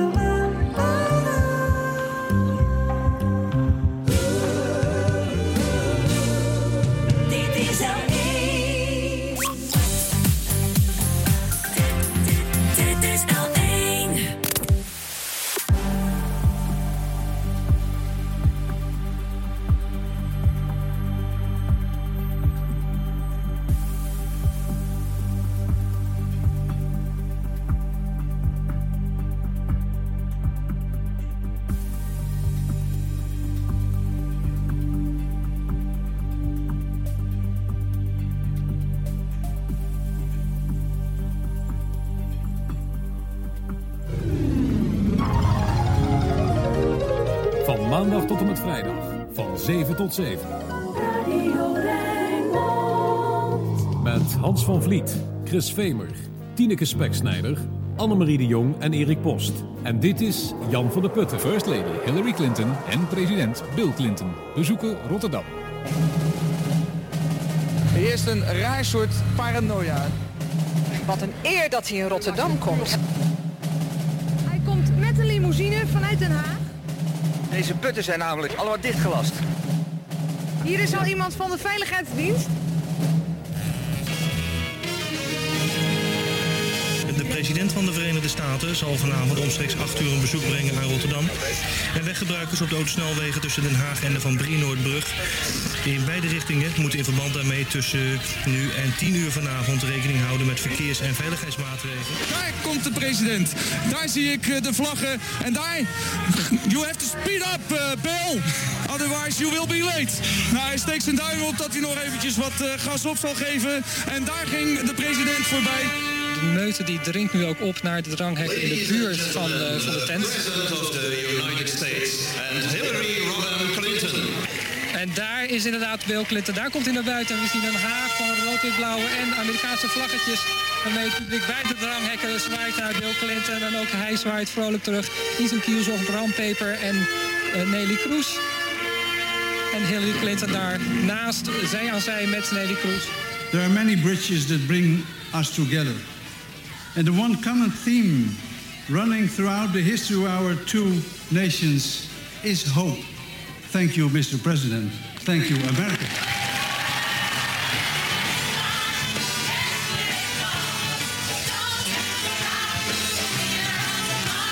Ever since the end of World War II, Rotterdam's sails have been turned to the wind.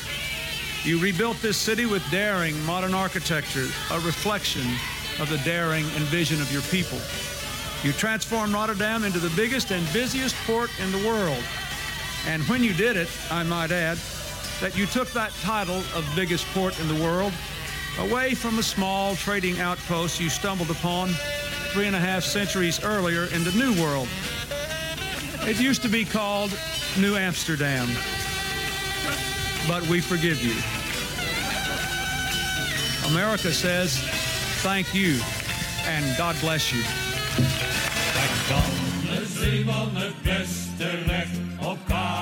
Vroeger was het eenvoudig. Zei je Katendrecht, dan zei je hoeren. En zocht je hoeren in Rotterdam, dan kwam je vanzelf uit op Katendrecht.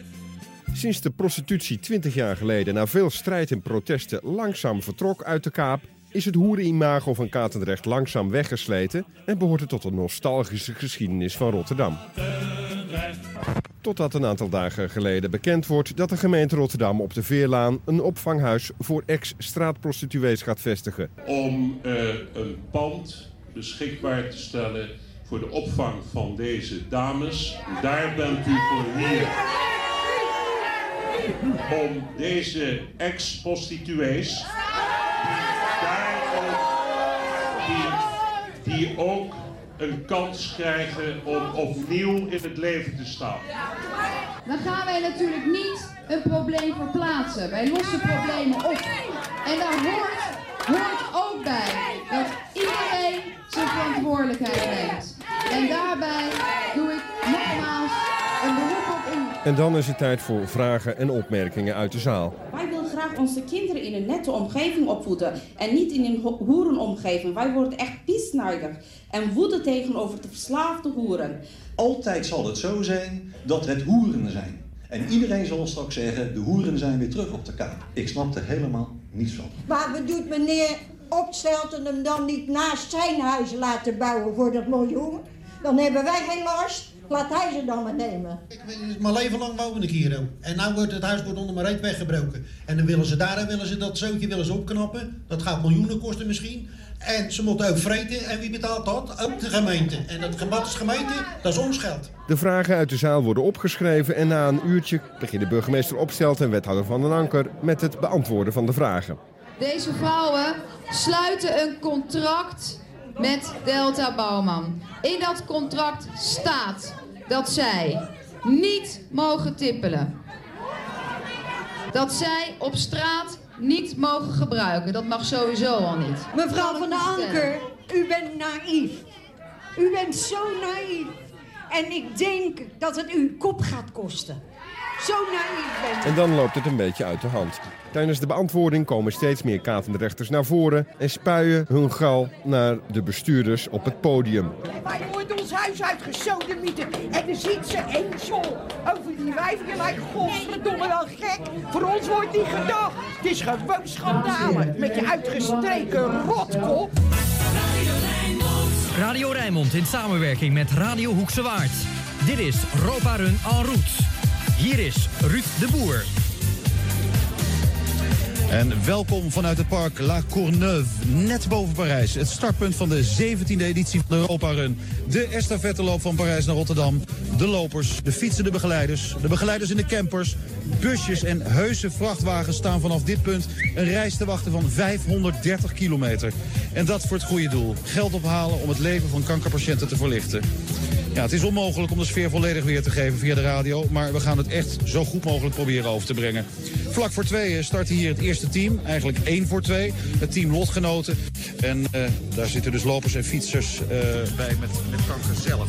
Inmiddels zijn er 114 teams vertrokken. De zogenoemde langzame teams. De snelle teams vertrekken morgenochtend. Ja, en het wordt zwaar deze Europa Run. Sowieso worden bijna onmenselijke prestaties geleverd, zoals ieder jaar. Maar nu hebben we te maken met temperaturen boven 27 graden. We zijn natuurlijk ook en route, zoals het zo mooi heet. En onze verslaggever eh, Ingrid is bij Sarcelles, zo'n 5 kilometer hier vandaan. Ingrid. Ja, Ruud, en ik heb hier al heel wat teams eh, zien passeren. Bij ons uit de regio zijn dat bijvoorbeeld de teams van ICAVIA, van FOPAC, van het Delta Psychiatrisch eh, Centrum, van de politie Rotterdam-Rijnmond, van EVT, de Albrands Waardrunners zijn gepasseerd. En ook de boeren en tuinders van Voor de Putten. En van al die mensen valt te zeggen dat ze meteen de heuveltjes eigenlijk tegemoet eh, moeten na de start van het terrein. En dat eh, het zweet hen hier op vijf kilometer afstand van de start al behoorlijk van het gezicht gutst. Allemaal gaan ze uit van een bijzonder zware Europa-run. Maar ze zijn ook allemaal goed gemutst, goed gehumeurd en ze hebben er zin in. En vanaf hier is er dus nog maar 525 kilometer te gaan. Ingrid Smits, en route bij Sarcelles, zo'n 5 kilometer hier vandaan waar wij staan. Uh, Radio TV Rijnmond doet dus live verslag van deze happening. Hier op Radio Rijnmond tot 7 uur in samenwerking met Radio de Hoekse Waard. En ook morgen zullen we er live bij zijn. En op de andere uren hoort u tijdens het nieuws live flitsen vanuit Frankrijk. Tot 7 uur, Europa Run 2008, live. Dit is tot 9 uur Drenthe Nu. Nieuws en achtergronden met Herma Boer. Altijd in De Drentse blueslegende Harry Musquet is gisteren in zijn woonplaats Rolde overleden. Daarom staat deze Drenthe nu geheel in het teken van Musquet. Hij werd bekend als voorman van de succesvolle band QB and the Blizzards. Musquet was al geruime tijd ziek en is 70 jaar geworden. In Drenthe is geschokt gereageerd op zijn overlijden. Vriend en programmamaker van Radio Drenthe Albert Haar over Musquet. Harry heeft Drenthe op de kaart zet.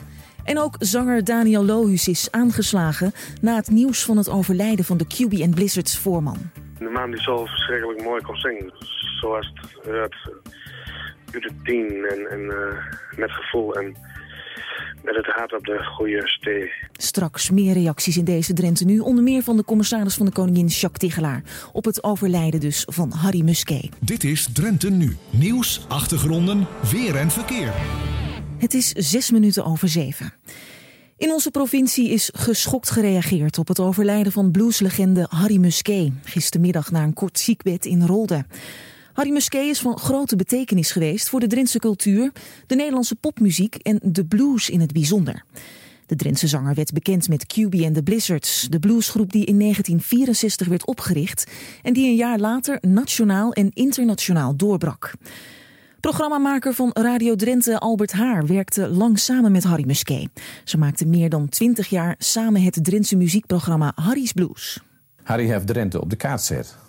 Dat, dat is denk ik het meest wezenlijke. Niemand wist waar Grollo lag. Uh, niemand wist wat er in Drenthe gebeurde in de, in de 60 jaar. En mensen in Amsterdam vragen uh, over Drenthe, dan zijn ze één groot zwart gat. En Harry die zorgde ervoor met zijn muziek dat mensen dachten van... hé, hey, die muziek uit Drenthe, dat is wat bijzonders. Dat was in Nederland nog niet vertoond. En dat zegt mensen ook. Iemand als Jan Donkers, die toen nog niet bij uh, Voor Hitweek werkte een heel uh, eigenzinnig ja, popblad was het niet. Het was eigenlijk een, een underground blad. Die vertelde dat later ook een keer van. Komt dat uit Drenthe? Dan moeten we eens een keer naar Drenthe toe gaan. En zo gingen mensen als Sonja Barend en Ton Seybrands en uh, nou noem, ze maar op. En die gingen allemaal naar Drenthe toe. Schrijvers gingen naar Drenthe toe. Muzikanten gingen naar Drenthe toe. En dat heeft Drenthe op de koord gezet. Ook naar de mensen in Drenthe. Zo van, potverdorie zeg, dat binnen wij toch maar. Ja, ook Daniel Lohuus is diep geraakt door het overlijden van Musquet. De muziek van QB gaf hem als puber troost toen zijn eerste verkering uitging. En later, toen Lohuus zelf de muziek inging, bleken ze zielsverwanten. Oom Harry en neef Daniel, zoals ze elkaar noemden, maakten samen de laatste plaat van QB and the Blizzards, Cats Lost. De opvolger was bijna klaar. Op 1 september zouden ze Dogs Found gaan opnemen, maar die tijd was Musquet niet meer gegeven. Ja, laat ik eerst zeggen dat er, dat er een hele bijzondere man uh, uit de tijd is. En, en een bijzondere kerel. En uh, die zoveel mensen zoveel bracht heeft. En, en de man die zo verschrikkelijk mooi kon zingen. Zo, zoals het uit, het tien en, en met gevoel. En met het hart op de goede stee. Jullie hadden een bijzondere band met elkaar. Jullie hadden ook bijnamen voor elkaar, hè?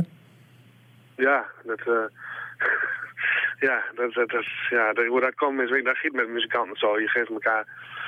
Ja, op een gegeven moment was het dan oma Harry en uh, hij noemde mij dan neef. En, en uh, ja, Harry... Voelde dat ook zo? Ah ja, tuurlijk. Het is, het is, het is... Ah, weet je wat gek is? Met, met, met muziek dan met muziek, dan, en we speelden leeftijd veel minder met of zo. Dus dat neef, om, dingetje, dat was toen we eigenlijk elkaar nog niet zo lang kennen. Dat was, dat was eigenlijk weg. En op een gegeven moment noemde hij mij altijd de Reverend. en, uh, en noemde ik hem altijd Q. En dat zo, zo hebben we elkaar voor het laatst uh, noemd, zeg maar.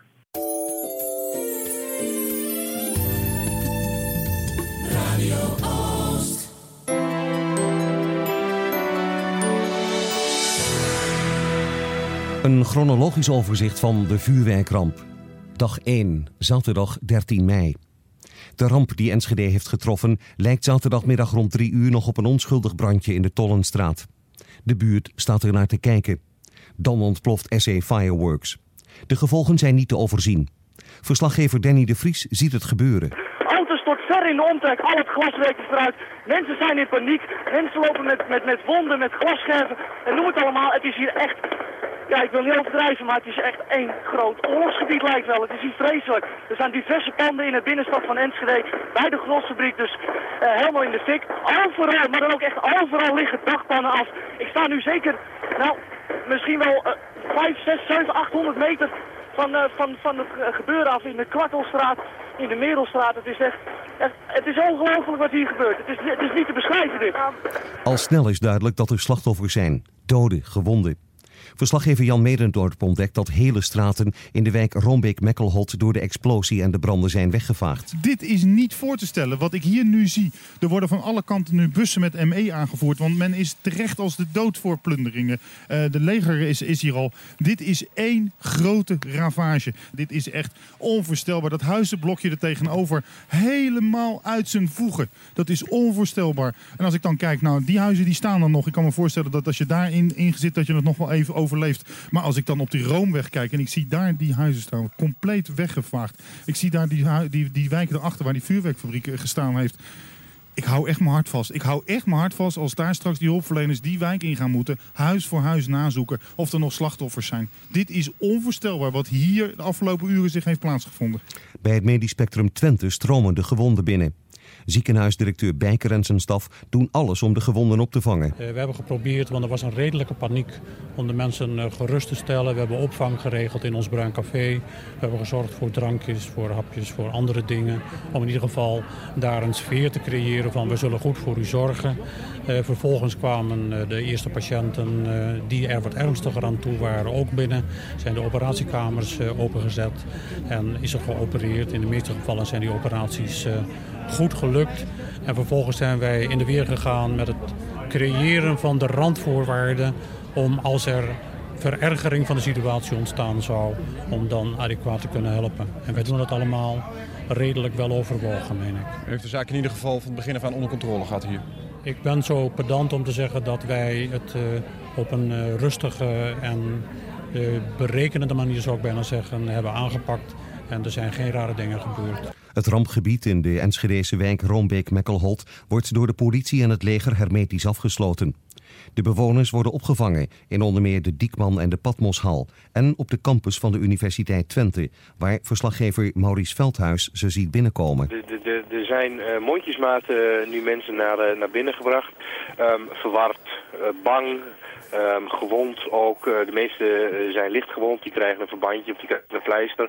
Of die krijgen een bemoedigende klopje. Maar als je ze dan op die stoelen ziet zitten met een eh, bakje koffie of met een glaasje fris, dan, dan wordt het toch wel heel triest. Ik als je naar die verhalen luistert, de snelheid waarmee het gegaan is en de impact die het heeft op die mensen, dan, ehm, ja, dan houden ze dat nog wel even bezig, denk ik. In de opvangcentra realiseren veel mensen zich opeens met een schok dat ze niets meer hebben. Mijn familie ook, ook gewonnen en wij zijn zo bang en was zo vreselijk bom. En ik weet niet, die alle huis is kapot. Die, die tweede verdieping, alles kapot. De ramen, de deuren, die alles weg van de plaats. En ik probeer naar boven om te gaan, omdat ik heb een klein beetje geld naar boven. Ik spaar een klein beetje geld, ik weet niet wat gebeurt met het geld. Nou, ik weet niet helemaal niks. Wij weten niet waarom te slepen tonight. Ja, u weet niet waar u naartoe moet? Nee, ik weet niet. Wij wachten hier. Misschien wij slapen, uh, slapen dus in, vandaag in het hospital, in het ziekenhuis. En dan wij zien.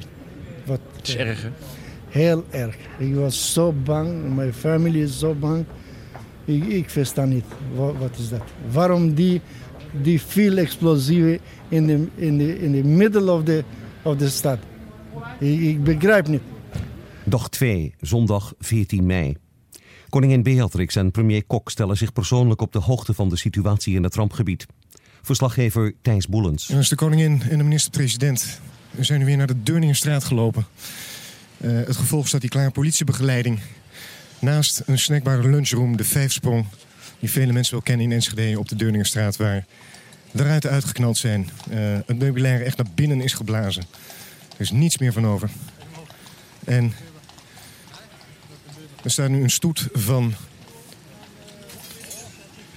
acht auto's waar dan nu de koningin eh, zal vertrekken. Het is niet bekend waar ze naartoe gaan, tenminste niet bij mij. Eh, burgemeester Mans zit in de voorste auto nu.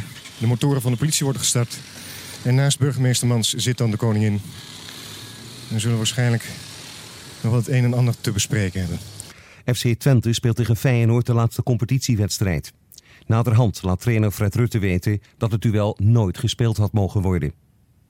Hulpverleners gaan de wijk in om de verwoeste huizen te doorzoeken. De vliegbasis Twente in Enschede speelt een belangrijke rol bij de hulpverlening in het Enschedese rampgebied. Major van Helvert. We hebben de vliegbasis gisteren, nadat het rampenplan in werking is eh, gesteld, eh, direct eh, opengesteld. Dus ook voor vliegverkeer. We hebben hier veel helis eh, gehad. Ook in verband met de evacuatie van helis van het ziekenhuis. En eh, we hebben onze hulpdiensten geactiveerd. Eh, je hebt natuurlijk eh, op het moment dat je op het, eh, in het gebied eh, slachtoffers eh, aantreft, eh, worden die dan meegenomen en dan eh, wordt er hier een eh, mortuarium ingericht eh, en eh, wordt door het identificatieteam eh, verder eh, eh, actie ondernomen. Later op de dag waarschuwt burgemeester Mans van Enschede voor asbest dat in het rampgebied is vrijgekomen door de branden en de explosies. Dag 3, maandag 15 mei. De bewoners van de buitenste ring mogen voor het eerst terug naar hun huizen. Aannemers en glaszetters beginnen met de herstelwerkzaamheden. Op een persconferentie wordt een toelichting op de terugkeer gegeven. Mogen de mensen blijven terug of is het, waar, zoals we eerder gezegd werd, alleen om hun spullen te halen? Nee, ze mogen daar eh, blijven terug. Mensen kunnen daar, voor zover ze daar kunnen wonen en, en hun huis is eh, klaargemaakt. U weet dat de eh, ehm, aannemers en de onderhoudsploegen zijn er aan het werk daar. En eh, wanneer de woningen zover klaar zijn dat ze bewoonbaar zijn, dan kunnen de mensen daar, als ze dat willen en kunnen, achterblijven. Betekent dat ook dat de Diekmanhal dan vanavond eh, leeg zal zijn? Ja, dat was al behoorlijk teruggelopen hè, de laatste tijd. Dus dat zou best kunnen. Ik kan het nog niet precies overzien. Om hoeveel mensen gaat Het gaat om ongeveer 2000, 2500 mensen. Inwoners van Enschede en omgeving geven massaal gehoor aan de oproep van de stichting Carmel om hulpgoederen in te zamelen. De meubelen en huishoudelijke artikelen worden naar de Diekmanhal in Enschede gebracht. De waterleidingmaatschappij Overijssel kampt inmiddels met een waterprobleem. Woordvoerder De Jong roept bewoners van Enschede, Hengelo en Oldenzaal op om zuinig met het water om te springen. Niet sproeien dus. Vanwege het eh, warme weer nu hebben wij echt veel moeite om eh, die levering op peil eh, te houden. We hebben daarom een extra aantal ingrepen gedaan, waardoor op dit moment eh, er al een eh, verbetering eh, is in de totale productie. En wij moeten zo de avondpiek goed opvangen. Zoals het er nu eens uitziet, denken wij dat het lukt. Maar het is heel goed dat de bevolking daarin mee helpt. Vandaar ook dat we de oproep gedaan hebben om vandaag in ieder geval niet de tuinen te sproeien, sproeien. Want anders krijgen we een veel te grote avondpiek. En dan zou het wel eens kunnen zijn tot we dan nee zouden moeten verkopen. Dag 4, dinsdag 16 mei. Het RIT, het rampenidentificatieteam, heeft weinig hoop dat in de puinhopen van de Enschedeze wijk Roombeek-Mekkelholt nog overlevenden zijn. Teamleider De Jong. We hebben er 15 gevonden en verder hebben we nu nog niks gevonden. En in welk gebied zijn die met name gevonden? Eh, die zijn in dat oostelijke gebied gevonden. Zeg maar ten noordoosten van de Gros. Kunnen we stellen dat daar ook de hardste klap heeft plaatsgevonden? Dat wil ik nou niet direct stellen, want als ik eh, het gebied bekijk, dan eh, zie ik eh, zuidelijk van de Grols een, een gigantisch gebied wat eh, helemaal tegen de vlakte ligt. En, en, en, en westelijk daarvan heb je ook nog eh, van die delen erin liggen. Daar bent u nog helemaal niet geweest?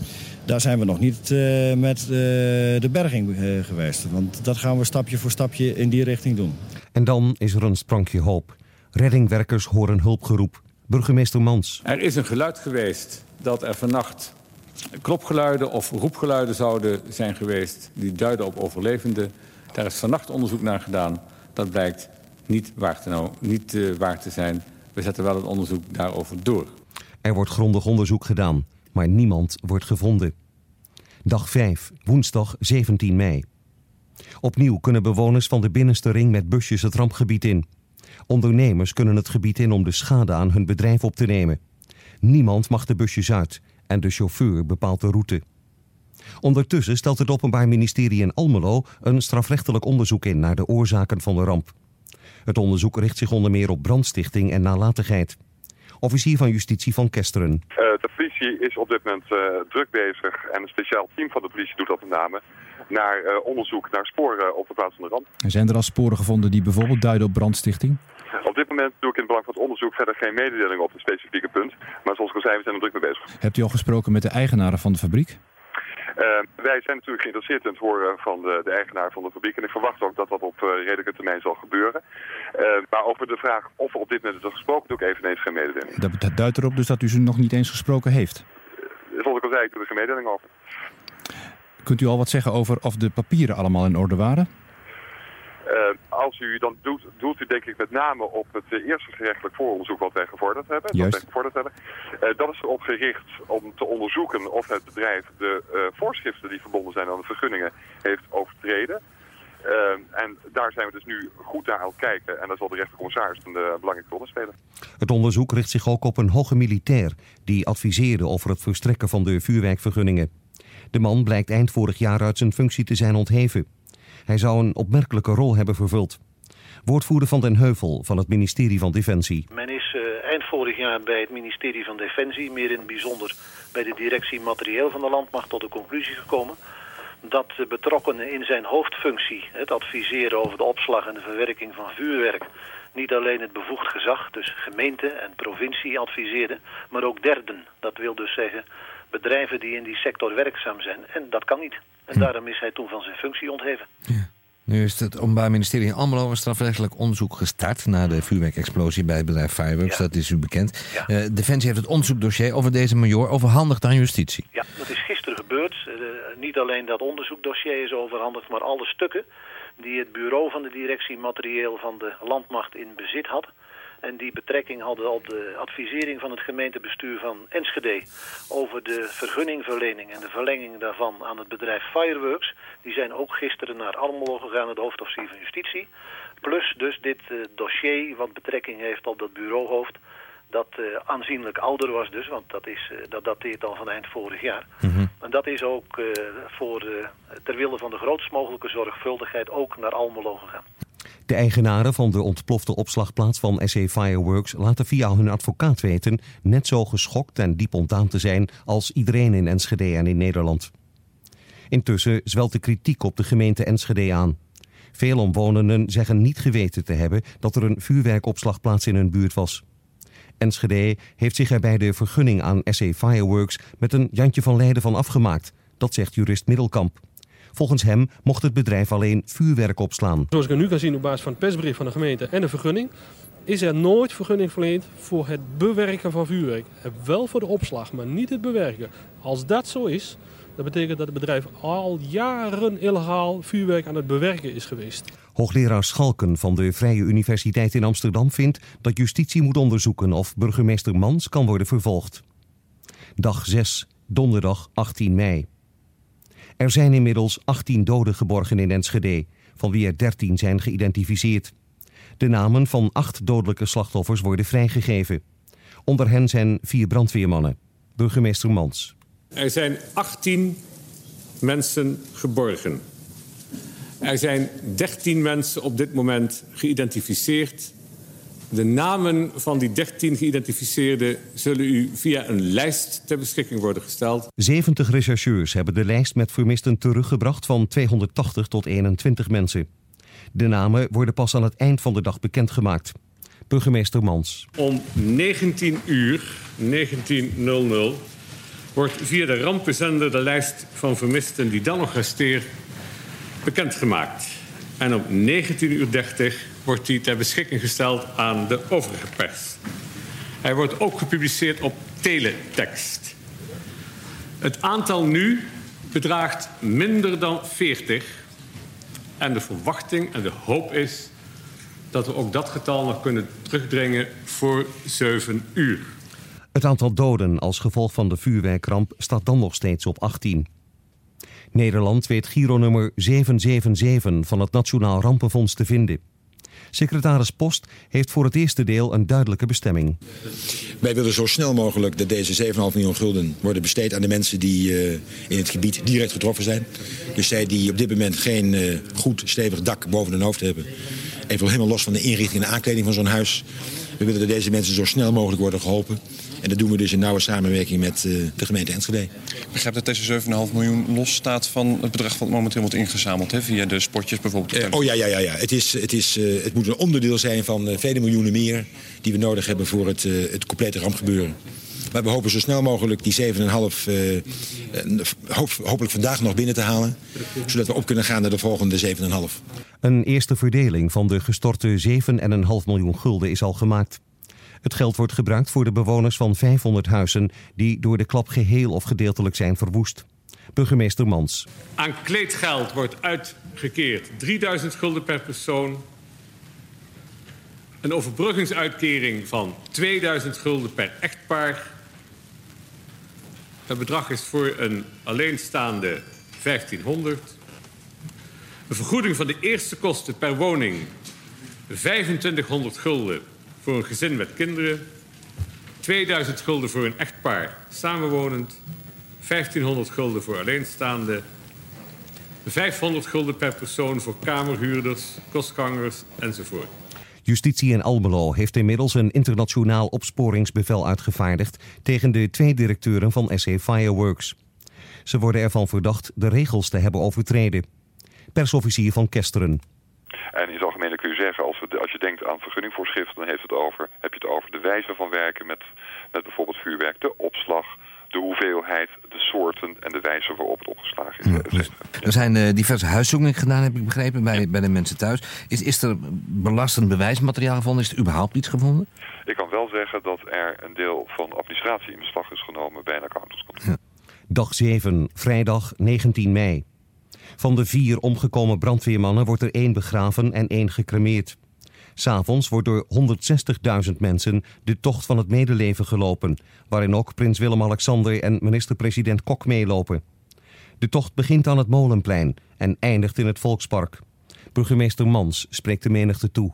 Bij elke stap was er een schreeuw in ons hart. Bij elke stap waren er duizend vragen van elk gezicht waren verdriet en ongeloof af te lezen. Er liepen mensen mee met ongekende diepten van verdriet, omdat ze geliefden en vrienden verloren. Mensen met verwarde angsten, mensen in tranen, mensen met schrijnende onzekerheid en een totale verwarring. Dag 8, zaterdag 20 mei. Het aantal doden door de vuurwerkramp wordt naar beneden bijgesteld, naar 16. Er worden nog 7 mensen vermist. Van de 946 gewonden liggen er nog 29 in het ziekenhuis, van wie 6 op de intensive care.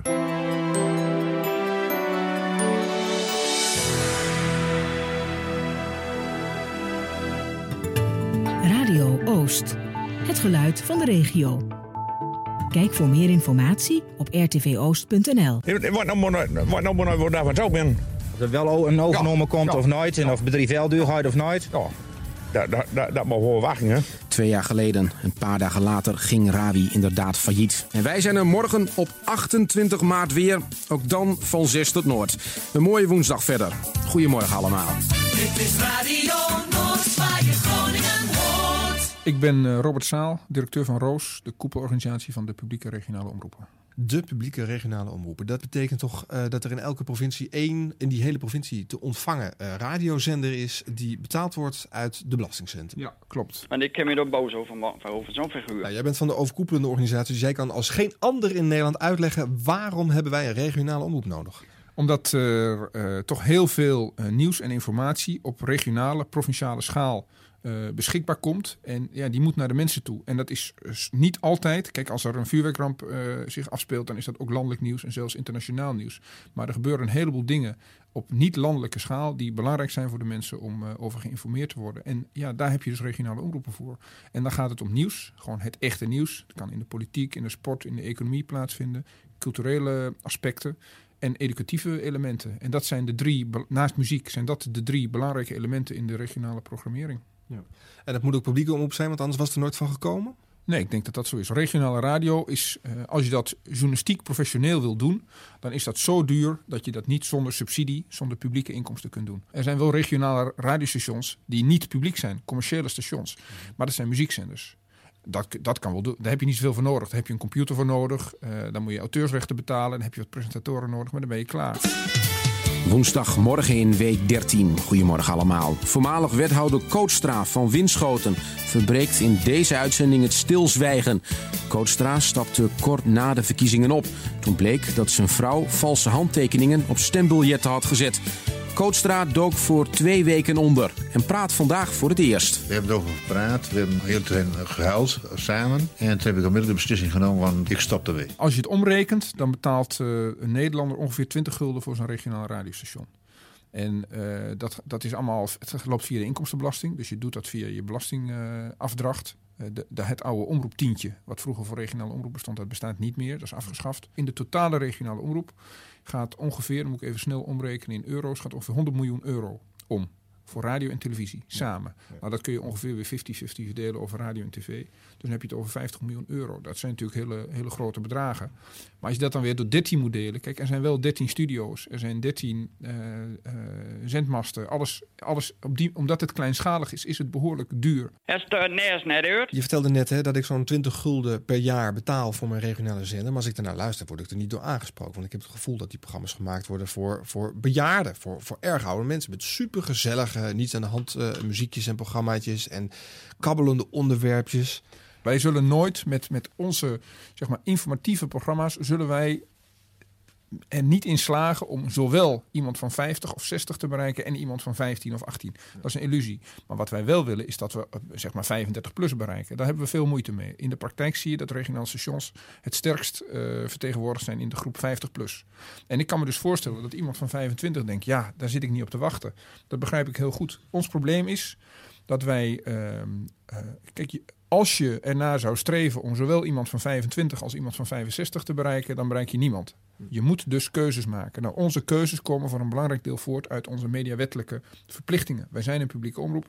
Dat betekent dus dat wij niet de hele dag reclamespots en muziek gaan uitzenden. Dat willen we ook niet. Wij moeten tenminste 50% van onze zendtijd besteden aan informatie, cultuur en educatie. En daar kun je best uh, speelse vormen voor bedenken, maar dat blijft toch de hoofdtaak. En als je dat doet, dan zie je nou eenmaal, helaas zeg ik erbij, dat je dan een oudere bevolkingsgroep uh, uh, bereikt. Tot vijf uur, de muziekfabriek met Gert-Jan van Stralen. Dit is Radio Noord, Radio Groningen Noord. Ik weet niet hoe het u uh, vergaat in een boot, maar ik probeer altijd zo rustig mogelijk te blijven zitten om te voorkomen dat hij omslaat. Maar de Hughes Corporation doet het anders. Rock the boat. Muziekfabriek. En laten we eerlijk zijn, hè? het klinkt een stuk gezelliger, dacht ik zo. Muziekfabriek op Radio Noord 050 3188 288 is het telefoonnummer dat u kunt bellen. Even voor de duidelijkheid, het is niet gratis, dus we blokkeren ook niemand. Oké, okay, dus u mag gewoon bellen 050 3188 288. Maar schelden, zwijgen en boeren stellen wij ook niet op prijs. Dat het even duidelijk is. Ik ben Roel Dijkhuis. Ik ben directeur en hoofdredacteur van Radio en TV Noord. Wij zijn een in het gebied ontzettend populair station. Met een marktaandeel soms ver boven de 30 procent. Dat betekent dus dat één op de drie mensen die hier woont en de radio aan heeft staan... hem op jullie zender heeft aanstaan. Dat is overweldigend. Dat is uh, inderdaad uh, zo nu dan uh, beangstigend veel. uh, maar dat, dat is al een aantal jaren zo. Gelukkig, wat het betekent dat we een functie hebben... en dat we gelegitimeerd zijn in dit gebied.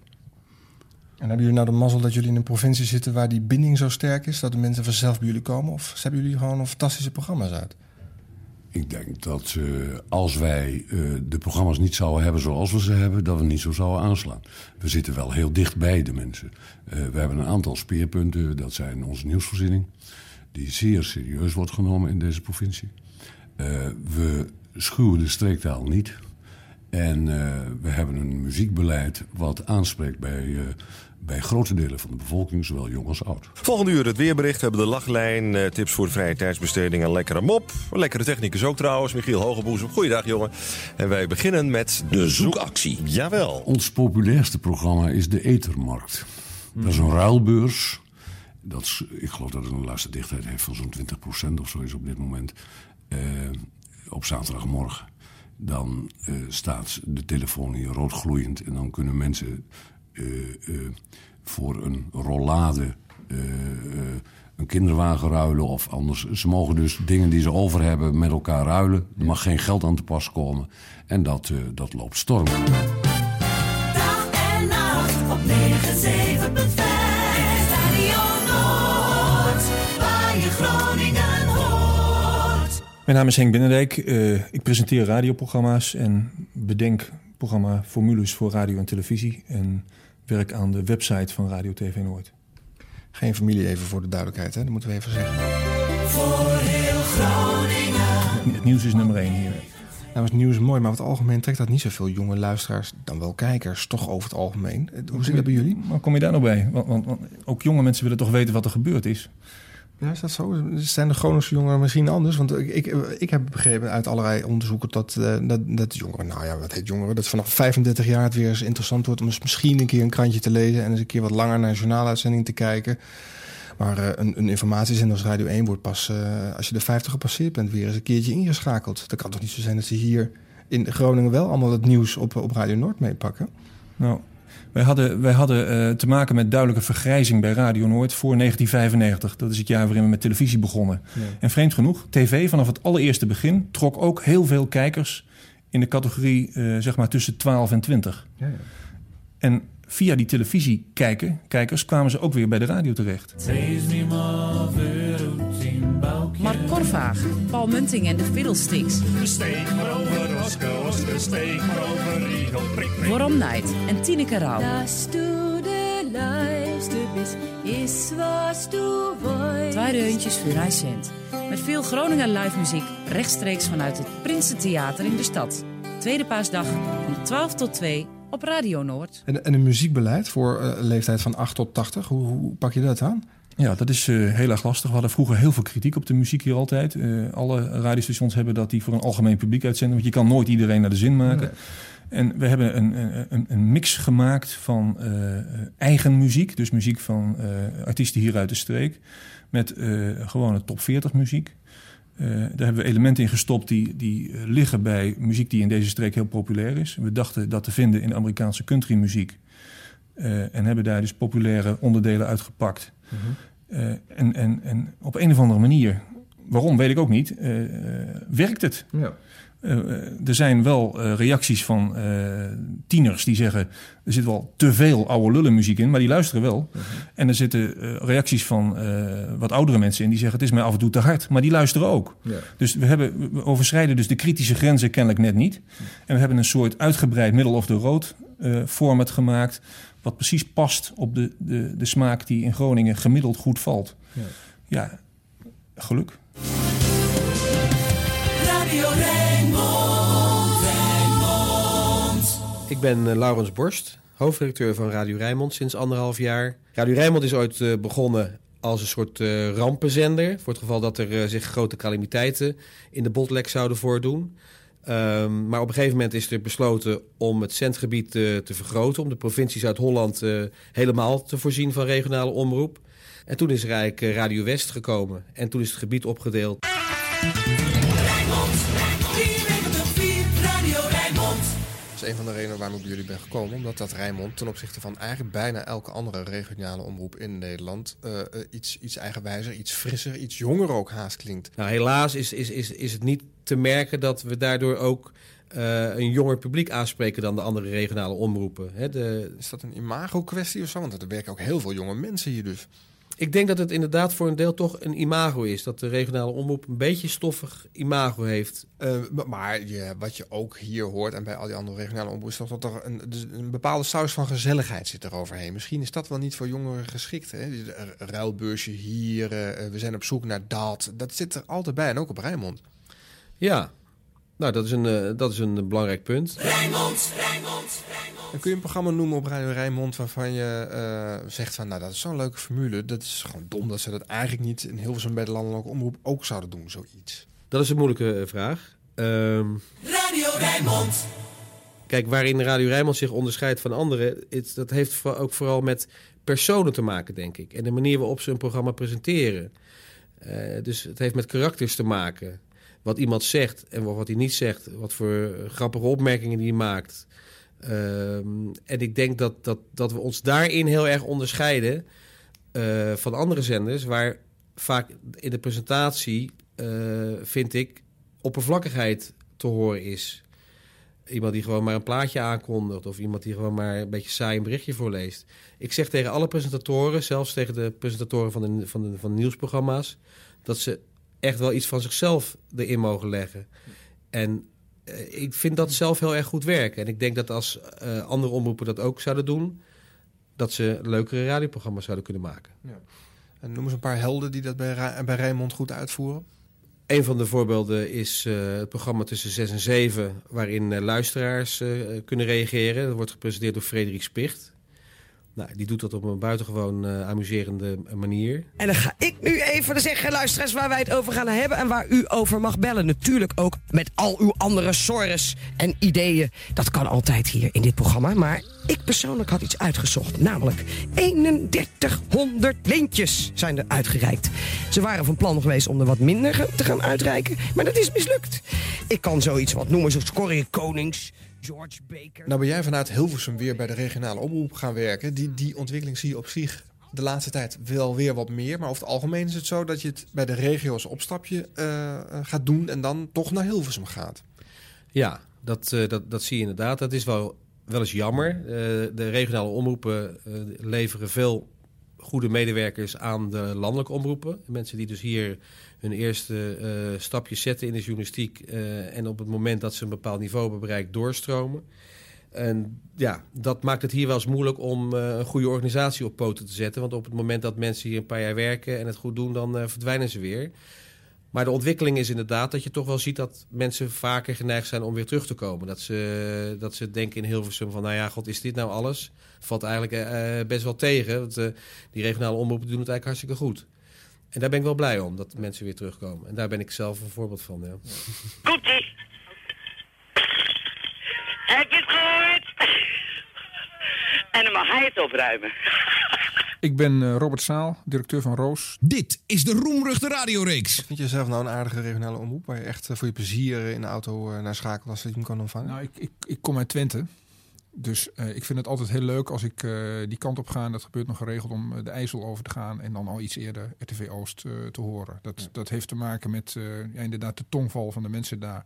Dus Maar vind je dat ook echt leuk? Want wat ik daar op die zender hoorde, is folklore, marsmuziek, eh, weet ik allemaal wat. Ja, ja nou, niet alleen, denk ik. Dat is, ik bedoel, dat is daar ook. Hè? Net zo goed als je in Limburg bent, dan heb je, dat heet geloof ik Havabra. Dat zijn de harmonie, de fanfare en de brassbands. Ja, ja dat, dat, dat hoort daar. Maar ja ik, ja, ik vind het wel aardig. Ik vind het ook, maar ik, wat, wat ik het leukst vind, is als een station heel nadrukkelijk met zijn eigen, echt met zijn eigen regio eh, bezig is. Je moet niet landelijke omroepen gaan nadoen. Nog in je muziekkeus, nog in je aanpak, nog in je presentatie. Je moet, je moet zorgen voor een eigen gezicht, zodat je herkenbaar bent in, dit, in dat alsmaar ja, voller wordende woud van, van radiostations. Dit is Radio Noord, waar je Groningen hoort. Presenteren op deze zender, wat is de, wat is de lol daarvan? Wat is, wat, wat is de kick die u er zelf krijgt? het eh, directe contact. Eh, je kan hier niet vrijblijvend iets doen. In, in, een, in een confrontatie met iemand, in een, bijvoorbeeld in een, eh, in een belprogramma... dan kan je die mensen morgen op straat tegenkomen. Ja. Die kans is zelfs aanzienlijk. Of ze bellen je s'avonds thuis nog een keer op. het is dus niet, eh, en dat is het, denk ik het grote verschil met landelijke omroep... Eh, het- het is niet vrijblijvend, het is, eh, het is dichtbij, het is betrokken. En je zult het echt moeten menen. Je kan het niet zomaar roepen. En dan nu, het BNN De regionale publieke zenders. Op nationale stations moeten ze er gelukkig nog niet aan denken. Daar heet een Gronings of een Limburgs accent bij een presentator gewoon een spraakgebrek. Maar in de provincie wordt zo'n dialect juist gewaardeerd. Hoe zachter de G en hoe beter je lopen zonder E kunt uitspreken, hoe groter de kans op een stevige plaats achter de microfoon. Als je ervan houdt, is het een van de charmes van de regionale radio. Ik houd er niet van, maar grote groepen luisteraars zijn het met me oneens. De ruggengraat van onze samenleving, zoals de bestuursambtenaar uit Emmen, de verpleegkundige uit Woerden, de lerares uit Wageningen en de politieman uit Goes, stemt massaal af op plaatje, praatje en informatie uit de buurt. Gezellige zenders die het uitgekiende formatstation Radio 2 in zekere zin overbodig maken. Niet dat de regionale als een stelletje amateuristische boeren zomaar wat leut op de zender flikkeren. Muziek uit de streektaal doet het goed op deze zenders. Nieuws uit de provincie en live verslagen van grote gebeurtenissen in de omgeving trekken ook luisteraars. Het meest typerend voor de regionale zenders zijn ruilbeursachtige programma's. De etenmarkt stroomt vol als luisteraars mogen bellen om een kinderwagen voor een rollade te ruilen. Of een goudvis voor een verhalenbundel van Lea Smulders. Of een video van de eerste uitzending van het RTL Nieuws met Jeroen Pauw als nieuwslezer voor een snelwerkend middel tegen aanbijen. Het is waar dat de regionale vooral bij de 50-plussers in de smaak vallen. Maar dat lijkt een onvermijdelijk natuurverschijnsel waar ook Radio 1, Nova, Netwerk en Buitenhof mee te kampen hebben.